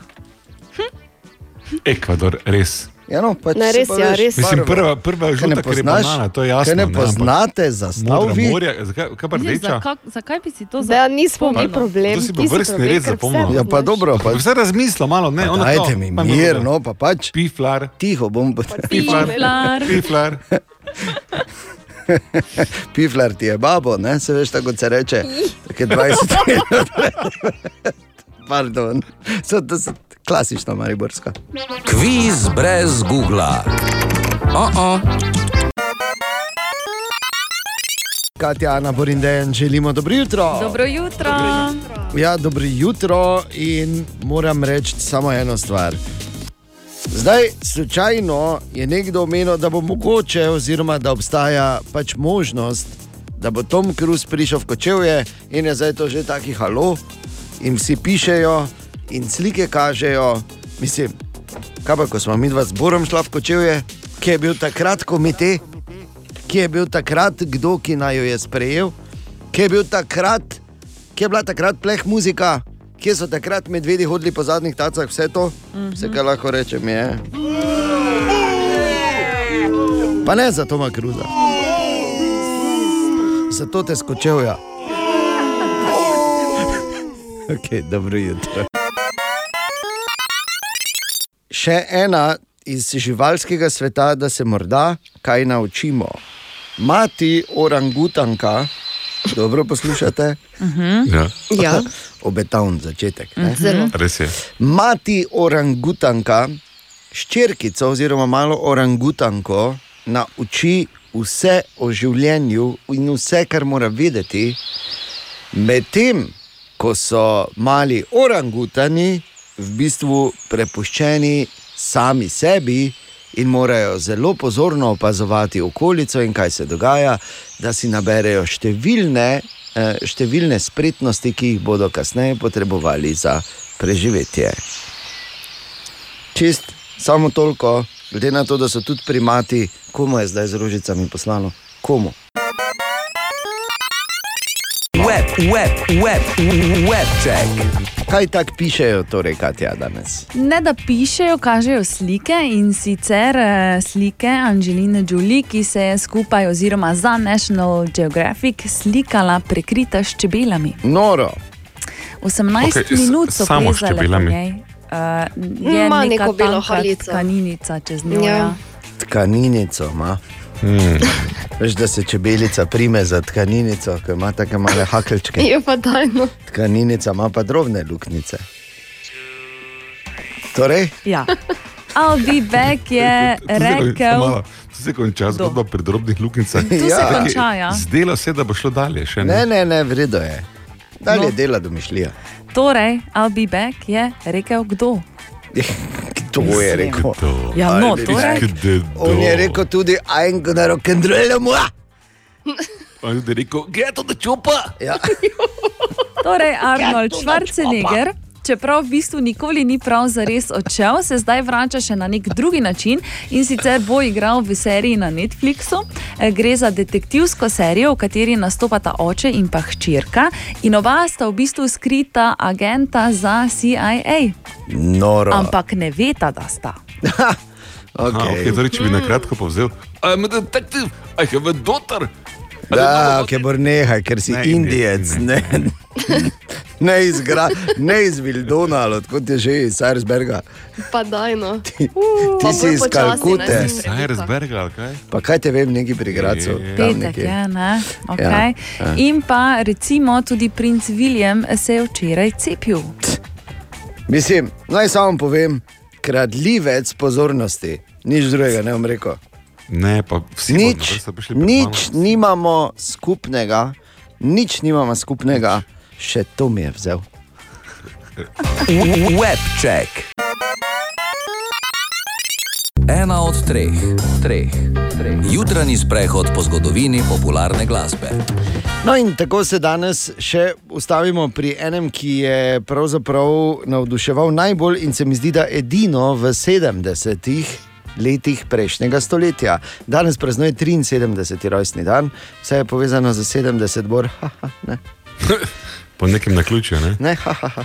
Torej, Leo Sayer, Leo Sayer, ki je še enkrat več, moram reči, znan po svojih hitih in 70-ih, ki se jih takoj spomnimo, ampak uh, še bolj pa potem, da je, ko je bilo njegove kariere praktično že zdavne konec, spet uh, priplaval na površje z izjavo, da je on bil zadnji, s katerim se je Elvis pogovarjal, preden je umrl. Zgodba namreč govori, da sta se srečala slučajno na nekem, na nekem nastopu in da mu je Elvis njemu rekel: wow, Ful mi je, ful sem vesel, da se lahko s tabo pogovarjam, wow, super, ful poslušam tvojo muziko, dajva se dobiti skupaj pa enkrat zašpilati. In pol naj bi ga Elvis klical na večer, pre, ko je umrl, v bistvu potem, ne, in naj bi se z njim dogovarjal za neko večerjo, pa da se vidita. Pa ga po mojem spraševal za akorde, kaj ne vem. Skratka. E, torej, obstajajo številni dokazi, ki ovržajo to teorijo. Ampak pač Leo Sayer je dosegel, da so se pač o njem pogovarjali. Ampak eh, bolje je, da se spomnimo mi njegovih hitov iz 70-ih. Pravzaprav dva je imel res velika. Recimo ta, More Than I Can Say.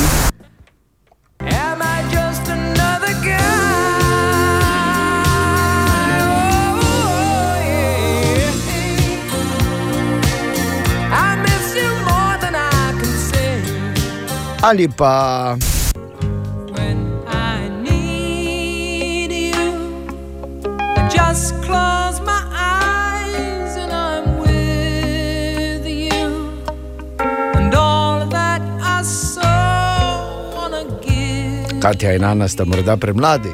No, no. Mi dva pa sva se kdaj zavrtila. More than I can say. Uh, Čakaj, no, Katja. ja, pardon. Mi dva z Borom, pa smo se kako nahiti naprej, ko pozna ono. Ne? Mi dva pa smo se marsikdaj zavrtela ob tej skladbi, ne drug z drugim, ampak razumete. No, to ne? smo zdaj. ne, ne, ne. Ne, Bor? Kakšni lepi spomini. Ne? Veš kaj, On je to vse pel v svojih 20-ih, ne? Tako je. Srednjih in poznih. Tako mlad. Mlad. Z Medtem sem angelskim izračunal, da je glasom. 13 let starejši od Elvisa, veš? Ja. hm. Pa Mislim, kljub- Elvis od njega, Pa kljub temu zgleda, da lažnivec. No, kakorkoli, Leo Sejer, Katja je tako napadla s hitom More than I can say, pa ga zavrtimo ob njegovem rojstnem dnevu. Ja, prosim, lepo. Cenjeni kolegici, spoštovani kolega, skoraj ne mogoče vprašanje, ker je petek. Vprašanje. Ja. To je seveda zelo narejeno veselje. V bistvu globoko v sebi je vsak posebej živčen, ker noče izgubiti, ker to pomeni teden dni zafrkavanja na svoj račun izven etra. ne? Mhm, A meni sem je dvojni pritisk, pred vseeno. velikim nastopom še ta test. Ne? Tako. Meni je čisto Ja. vseeno, ker jaz sem prejšnji teden zmagala, tako da imam dovolj zdaj za tri mesece. Eno, tako ti redko zmaguješ, bi si Ja. mogla vzeti dovolj za pol leta. Ja, ne, to ne, se.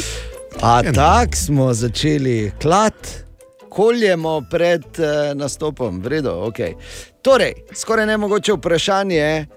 Tudi danes je morda vprašanje veliko bolj spektakularno od odgovora, morda pa ne. In tu je to vprašanje, poslušajte. Prva z okusom, ali pa prvi z okusom, odvisno kako temu rečeš, ker je lahko moškega ali ženskega spola, je prišla ven leta 1872. Kaj Voda. je to? Voda. A, Ja. Voda. Voda. Je voda. Ne, ni voda. Prvi z okusom Ali prva. ali prva. Je prišel ven leta 1872. Borgrajne. Bo, ja. Bi, Pardon, Lahko mi prosim razložiš. Gledajte, mal, mali aplaus. Mali aplaus. Kaj si noter mene potisnila v, v, v to, da je lahko moškega ali ženskega spola? Točno to. Torej, odvisno od situacije tisti dan. Povej. Kaj diskvalificiramo? Ali... ne, no, Vprašam daj. samo. Eh, Prva z okusom. Čokolada. Čokolada. Ne, ker je lahko je tudi moškega spola. Ampak je pa smer, je recimo prava. Torej, da premaknimo se od stvari povezanih z brušnjo. Ne, ni Coca-Cola. Kakšna ti je bila Coca-Cola brez okusa? Ja, z Kaj je ne? Coca-Cola moškega spola? Coca-Colo. Ne so ponekod rekli. A ja, tako misliš? Tak mislim, ja. Malo sem rabila, pardon. Ni, ni problema. Do Te, enka ima dolgo, do tezna. Torej, Ja, kakšen namig še prva z ali okusom 1872, ja pa razmislite. Pa še danes Izpo- je to, še danes. pijača ali Ne, ni pijača sploh. Pazi, pazi, pi- tista pijača, tisti napitek. Ne, pa ni. Nič ni zapit, ok? Ni za pit, je pa za jesti.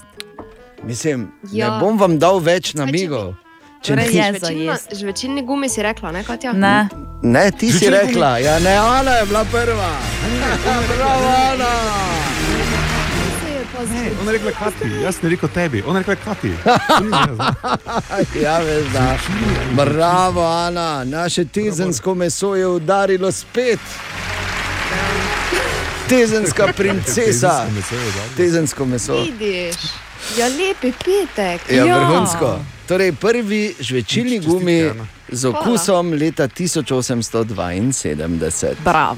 In kaj bi vidva brez Ane, o pol petih bi še vedno Tapkala tu bi v sedela, pa bi razmišljala, pa kaj te je? No, tako pa kaj te je? O, ja. Se mi je pa lepo dan naredil. Se ti je, ne, se ti zloži Mhm. tako. Huh, Ja. ne. Danes, naj samo povem, bi znalo biti tezno premalo za Ano.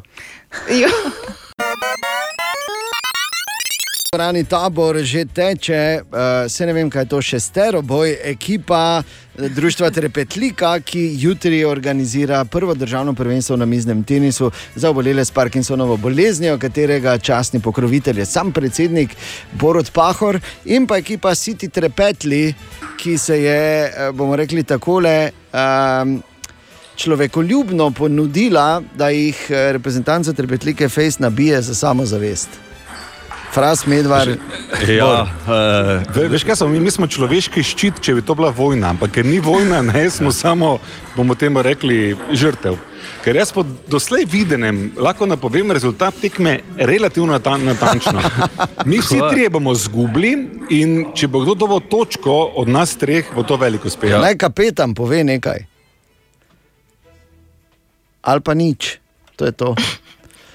Karkoli zdaj mislite, da govorite, se vas ne sliši. Zdaj pa ja. Zato kriv. Zdaj se pa slišimo. Zdaj okay, pa ja. Dejan, mi se zanašamo na njihove neizsiljene napake, pravim. Tako da Aha. upamo na čim več njihovih mimo udarcev. E, tudi sodnica je mimo grede tu v bližini. Zdravo, sodnica, ne moreš malo, veš. O, ja, servo sodnica. Sodnica tako špila kot Liping. Fras se tu se greva. Frasa so mimo grede tudi zamenjali za njihovega aduta. Ja, uradni fotograf je rekel, kaj ti to imajo, oni enega duta. Pa rekel, to imaš, to je naš. Ne, to je Fras. Ja. Um, eh, druga oteževalna okoliščina dejanj je, da eh, občinstvo je sestavljeno večinoma, kot eh, moje ostro oko tukaj lahko pogleda, iz privržencev društva Trepetlika, Tako. kar pomeni, da smo mi gladko na sovražnem terenu. ker Ja. Tomaš in jaz sva znana humorista ne, in smo že tako, ne, recimo, gre za to. Občinstvo, roke gor! Noben, Evo, aplavz, noben ni dvignil. aplavz, en, to. Samo, zdaj pa ploskajo. Čakaj, Ne, kaj če pa- ploskajo samo zato, da bi nas zdaj zopet zmedli, ker preko smo prosili, da ploskajo, noben ni hotel, ker so očitno na njihovi strani. Ali Fras ta trenutek špila, kaj če bi nekaj bistvenega povedala, vidva? Ne, ne, frase, frase se greva, Fras samo se greva. pa rdeče hlače, evo, ja, in je že, si videl, Bor, kak je že gotov. Fras ni znan po neki kondicijski pripravljenosti, ne? zdaj pa igra proti pravemu trenerju in uh, kaj te vem. Slabo Samo kaže, to je ne? povedal o, o gospodu trenerju, ne, Eh, ne samo, da je on eh, izvrsten igralec namiznega tenisa, tudi velik človekoljub je, ker ko smo mi dve igrali, tako malo je rekel, Bor, roko gor. In jaz dvignem roko, ne gor seveda, ker se nisva razumela. Ne, Je rekel, ne Ja, tako Bor- zgor, ne. Bor se je v bistvu ja. javo. Ja, pa nič ni rekel, ne. samo tako je zožal je malo oči, ne, kar je trenerski ja. znak za potrudi se še bolj. Ne, to je znak z opravka, imam z drugi znak. totalnim trotlom. ne. ja, ok, držite se, zdaj kdaj se pa začne za res, samo še ta Ja, informacija. zdaj gremo, to, zdaj gremo Okej. počasi. To ker zares noben ne ve, to ja. zares noben ne ve. Okay, torej še en hit in potem takoj po novicah o pol devetih bo že šlo za v velikem uh, šesteroboju med ekipo Trepetlike in City Trepetli. No, zdaj pa se je menda že začelo za res v dvorani tabor med ekipo Trepetlike in City Trepetli, uh, Bor Medvar in kapetan Medvar in uh, Fraski je zraven. Torej, Bor. Jaz, sem- jaz sem samo mimo prišel, eh, eh, priletel sem pa, da bi sem to povedal, da trener me je zapustil, pravkar. Samo Ja, ja, se je pa ker šel si ven. zabil v strop. Ja. To je prvi v tvojem življenju, Bor. Uh, Fras, kak je bilo, ti si se gre zdaj? Uh, ja, zelo. Jaz okay. sem fertik že skoraj. Okay, jaz pa nisem, ne, da super se veselim tega. Uh, gospod Vinko je ravno kar prišel mimo in rekel, da uh, gremo normalno. Okay, ja. Mislim, da smo mi kar opleli. Da zdaj, zdaj, zdaj smo že zmenjeni. tako Da, Bor, Ja, Jaz bi samo rekel, da ne glede na to, kar vi mislite. ne. Uh, jaz sem samo jih prosil, da čeprav smo mi praktično invalidi ne, za društvo Trepetlika, sem jih prosil, naj nas ne z pomilovanjem gledajo in naj nam ne puščajo. Ne. Mi hočemo biti obravnavani kot enakopravni člani družbe. To pomeni, da smo prišli in gremo na zmago. Sicer so šanse relativno izjemno minimalne, praktično nične, ampak eh, ne želimo pa si od družbe podcenjevalnega uh, Odnosa. odnosa ne? Tako. Pa mimo grede, še enkrat, Bor, kaj si ti videl sodnico, kak špila. Lipinge, ja, vem. Okay, dajte začeti že enkrat, Ja, ker gremo, se samo gremo, ja, pripravljate. Že? Se slišimo, se Okej, slišimo. ok. Ali se je v dvorani tabor že začelo? Ekipa Trepetlike proti City Trepetlom, ki se ta trenutek ne, a ste tu, ok. Manjši zaplet imamo, ker sodica me hoče diskvalificirati. Če bi mu če sama povedala, zakaj. A zdaj pa pridite, pri, pridite bliže. Gospa Lipenk. Ja, je, je. je. Gospa Penk. Ja. Ja. Uh, Dejan, uh, Ja. situacija je taka, da pravi, da uh, se ne igra ping-pong v kavbojkah. Jaz pa ne razlagam, da mi smo v dvorišču vedno tako igrali. Res je. Ja. Ja. Ker ste bili puni, pa ste imeli kavbojke. Tako. Ja, ja. ja. Um, Misli, Vinko, uh, lahko pridete za trenutek samo do mene, da, da se eno preprosto vprašam, ali sodnica ima kavbojke? Sodnica ima kavbojke, ja. Vidite, jaz imam tudi kavbojke. O, glej, še pes je prišel. Martina ima kavbojke in je sodnica. Bor. Ja, no, jaz sem pa tudi te, potem sodnik. Ja, pridi, ja, pridi, pridi. Igralec sem videl, da si Ibor. Kaj je Pekinezer? Sodnik Pa še ne morem reči, ker moraš se dejansko še kakšno leto ali dve med igralci eh, vi- eh, preučevati. Ja, ja, zna biti problem, ker nisem najmlajši. Da, ja, nič, eh, dejan, mislim, da bomo mi začeli. Pa tukaj dajte zdaj- začeti že enkrat. zdaj žreb imamo, ali Začelo se je z mojo diskvalifikacijo, to da veš. Ne. Domači in gostje bomo naredili vsak, ne žreb, ampak bomo naredili vsak svojo postavitev, ki jo bom jaz dal v glavni list in potem bomo začeli igrati. Okay. Je kdo razumel to? zdaj? predstavil igralce, Prosim, lepo. Ja. eh, tako bomo nastavljeni po tej lestvici in igramo na dva dobljena seta, se predstavimo in potem Se pravi, ves čas na dva sveta, v bistvu. Ne? čas na dva seta. Ker Eh, dva dobljena. Ne sram, samo do koliko se pa set igra? Do 11. Vsak ima dve Aha. servi, igra se do 11. Ne sliši se do zbor, samo je, veš. Kapetan, ja, čakaj, kapetan. Gosti imate razpredelnico X, Y, Z. In zdaj boste postavili igralce, boste mi napisali gor. Dobro. Pa bomo uparili z ABC, ne? Za tako. Aha. Udarili boste z ABC, napišite mi Uparili. priimek, da jaz potem odnesem, ker to boste odnesli ja. sabo. Ker... Dejan, moram ti povedati, da še prej smo začeli igrati, ne, sem jaz se že zgubo. Verjamem, Ja. ja. Sem, jaz ne vem, kako to je boljše. Okay, dajte začeti, pa čez 10 minut preverimo, bomo, kako je stanje. že precej nervozno, ne? Vidim, ne samo občinstvo, tudi mi. Ja, res je. Ja. Začnite že enkrat, kaj se toliko menite, pa Ajde, se gremo, grevate. gremo, ajde, ajde, gremo. In zdaj pa se je očitno zares začelo gori v dvorani tabor, kot se reče. In sicer ekipa eh, društva Trepetlika in pa Siti Trepetli, eh, Bor Fras in kapetan Medvar, ki je ta trenutek tu Tomaš. Zdravo, dobro jutro, Dejan, Oh, oh, zdravo. Dejan Dobro z mano, ob meni je seveda gospod Mežnar, dobro jutro še enkrat. Dobro jutro. Uh, Kako bi mi dva pokomentirala prve udarce? Naj samo na hitro, Dejan, povem, da Fras trenutno vodi 4-3, Bor pa zgubla 4 proti 2. Uh. Ampak Ah, okej. kaj, bi- kaj, kaj ti praviš? Tedej? E, Opažam, da so zadeve in stvari tu, tukaj napete, da celo sodnik se je mogel opremiti z rumenim in rdečim kartonom. Ja. E, In tudi vidim, da očitno Bor na skrivaj nekje trenira, ker mu te sploh sta zabijanja, mu nenormalno Ne, ležijo. da, ja. Ne vem, odkot Bor, ali si Bor je skrival, menda ta talent in kavbojke in neka kamuflaža. E, tak ti bom rekel. Sredi tekme si, idi bejk. Fras med tem 7-5 vodi, uh, Bor nehaj. zgublja 2 proti 6. Ja, ne vem, kaj s Frasom. Se Lepo, greva, se že eno uro, tu mi pa hladni. Si. A Mislim, da bi ekipa Radia Citya nujno uh, potrebovala timeout za Bora, kajti da ne bo zgubo preveč, ker zgublja 2-6 oziroma 2-7. U, slabo, kaj. Oh. Med tem 7-7 na Frasovi mizi. Ja, glede na, glede na Eh, to, Dejan, da je eh, ne direktor športnih uh, objektov Maribor tudi tadej uh, izvrsten sodnik, nogometni, Tako. mogoče bi uh, seveda tudi uh, dal kak na svet glede teh premorov, ampak mislim, da se je to treba pred tekmo zmeniti. Ne? Eh, Seveda, ampak eh, zdaj vidim, da sodnik eh, Grega Komac že se za žep prijema, da upam, da ne bo rumenega kartona, bom potegnil ne, zaenkrat če ne. Ne. Ok, super, super. Ni bil taki faul. ne, ne, ne. Okay, odlično. Ja, Evo, dobro. Je zaključil, mimo grede, samo to bi dodal 11-2, tako da. Je zmagal. Prvi set, seveda, zaključ. Ne. Zaključil, se veš. Aha. Zgubo je prvi set. tako Zaključil. da- Jaz sem samo povedal, da sem dve točki dobo. Dve točki je pa do pozitivnega vidika. Res je. Ne vem pa, zakaj eh, Bor eh, objema nasprotnega igralca, ko ga je premagal 11 let v prvem setu. Ja, pusti ga, Bor. Okay, Ne to je vse del taktike, verjetno. To ne moreš vedeti. ok, super. Torej, čakamo, torej, da tudi kapitan gre v akcijo lepo, da je toliko uh, torej, super gostov tudi danes tam v dvorani tabor. In ja, preverimo po novicah, točno ob devetih, kako vam gre v velikem dvoboju ekipe Trepetlike in pa Siti Trepetlo. Tako jutri bo v dvorani tabor prvo državno prvenstvo na miznem tenisu eh, za obolele s Parkinsonovo boleznijo, ki ga organizira Društvo Trepetlika in katerega eh, torej častni sponzor je predsednik države Borod Pahor. In kako bolje pomagati, kot eh, za samozavest potisniti ekipo treh trepetlov, da jih en dan prej zmažejo. Kakšna je situacija v dvorani tabor?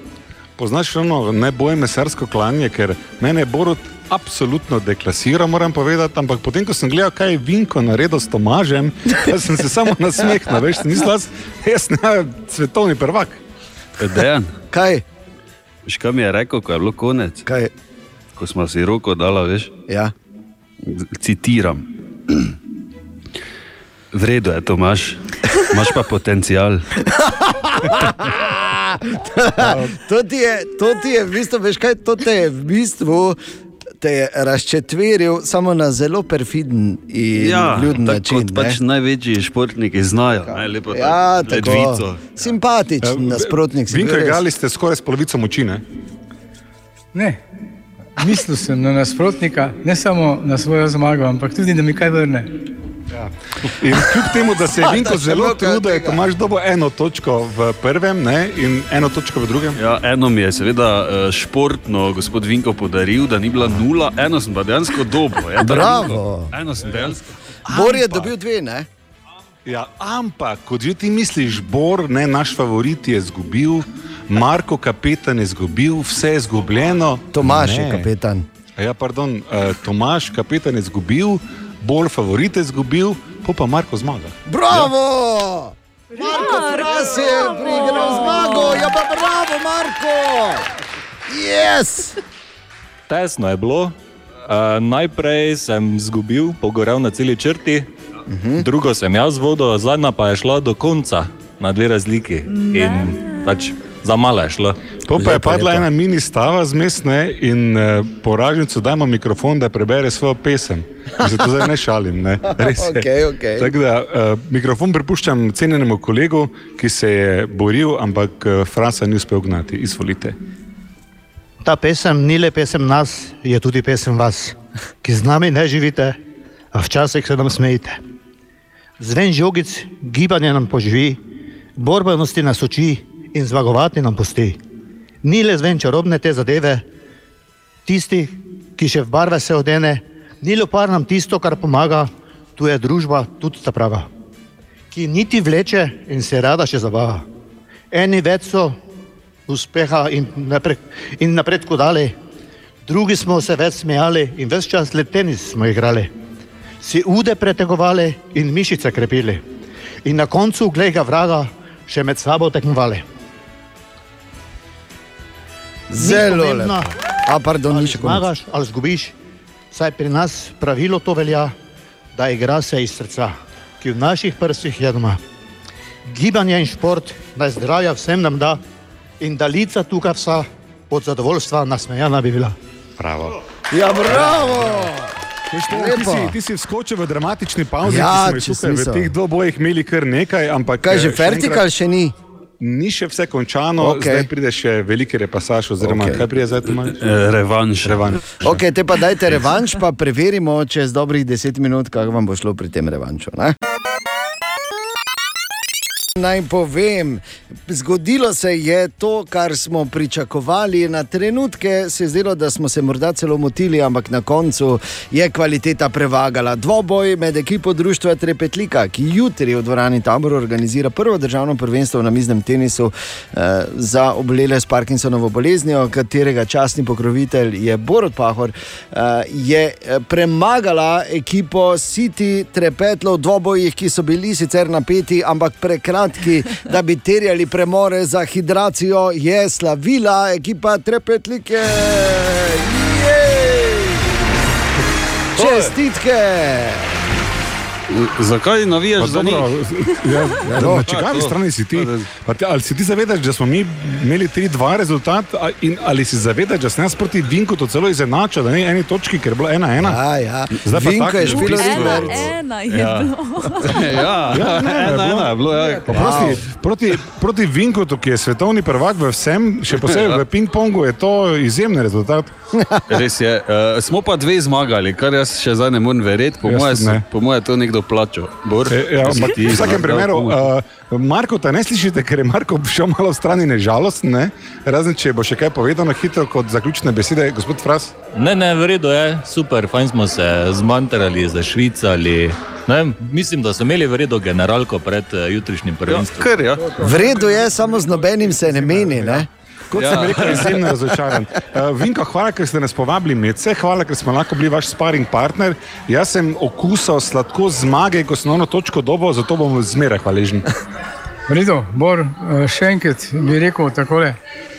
Borci ste, ekipa Radio City in jaz sem vesel, da vas poznamo tudi direktno v ringu, ne samo po besedah, ampak tudi po dejanjih. In vam rečem, če bi bil jaz na, na strani Dejana, em, lahko obžaluje, da to ni snimala televizija, ker to, kar sta Bor, Tomaš in pa eh, Marko naredili, se mi zdi, da je neponovljivo. Mogoče po, bi še sparirali enkrat proti, proti septembru, ker septembra mi odhajamo na drugo svetovno prvenstvo. Eh, In upam, da bo ta ekipa, ki se je danes predstavlja, eh, v redu zastopala Slovenijo. Ja, Oh, je- je- šnovi. je- Jaz sem pripravljen, jaz sem pripravljen. Uh, Vinko, samo ta kompliment bi vrnil in rekel: borci, ne, ne, ne. Vi ste borci in ja. najlepše hvala, da smo lahko bili z vami. Hvala. hvala. Vinko, eno povabilo še imam samo. Glede na to, da smo mi prišli v vaš ring, ne? kaj bi mi, vem, drugi teden proti vam neki fusbal šli? Daj, ne. Verjetno Ja, kaj, gremo? No, ja, pa glej. doma, pa doma. daj, no, ne pretiravaj. Moče bi zadnje sekunde vse ne skoristi, da, da povem jaz, da na 1919 z PING5 se lahko Tomažem maščuje za to provokacijo. No, glede na to, eh, koliko poslušalcev posluša pravzaprav to eh, napoved, ki jo je Bor eh, torej podal, bi jaz Zabil, zabil. Z- Zabil. Bi rekel tako, da se velja, jaz se bom potrudil, da naredim eno ekipo v malem nogometu, vendar moram spraviti prvo pet, koliko jih bo pet? Pet, v redu, bom spravil skupaj in takrat boste pa vi v neki, po moje, vse fizično eh, prednosti. Ja, kaj te vem? Zgubili bomo. Kaj če bi vi, sem Mislim, da sem se spet zapletel. siti trepetli, eno vprašanje imam za vas, siti trepetli. Ta pomen Ja, ja. besede je že sam, da sicer so bi rekel. Prestrašeni, vendar ne delujejo tako. ja, ja, to je samo. Jaz imam eno vprašanje, ali ste sprejeli izziv za revanšo v septembru ali ne, to je še edino, kar manjka. Um, da, mi sprejemamo, Sprejemamo eh, izziv za izziv za september. revanšo. Ja. Ja. Celo več, eh, jutri okoli 13. eh, bomo mi tukaj, ker eh, eh, Vinko je rekel, da če že ne znate špilati, pa pridite vse kaj povedati. Tako da tu pa smo ne Tu ste nadkrljivi. močni. in- Ja, tu smo močni in bomo tukaj. Zelo, zelo močni ste. Moram reči, da ste najmočnejši.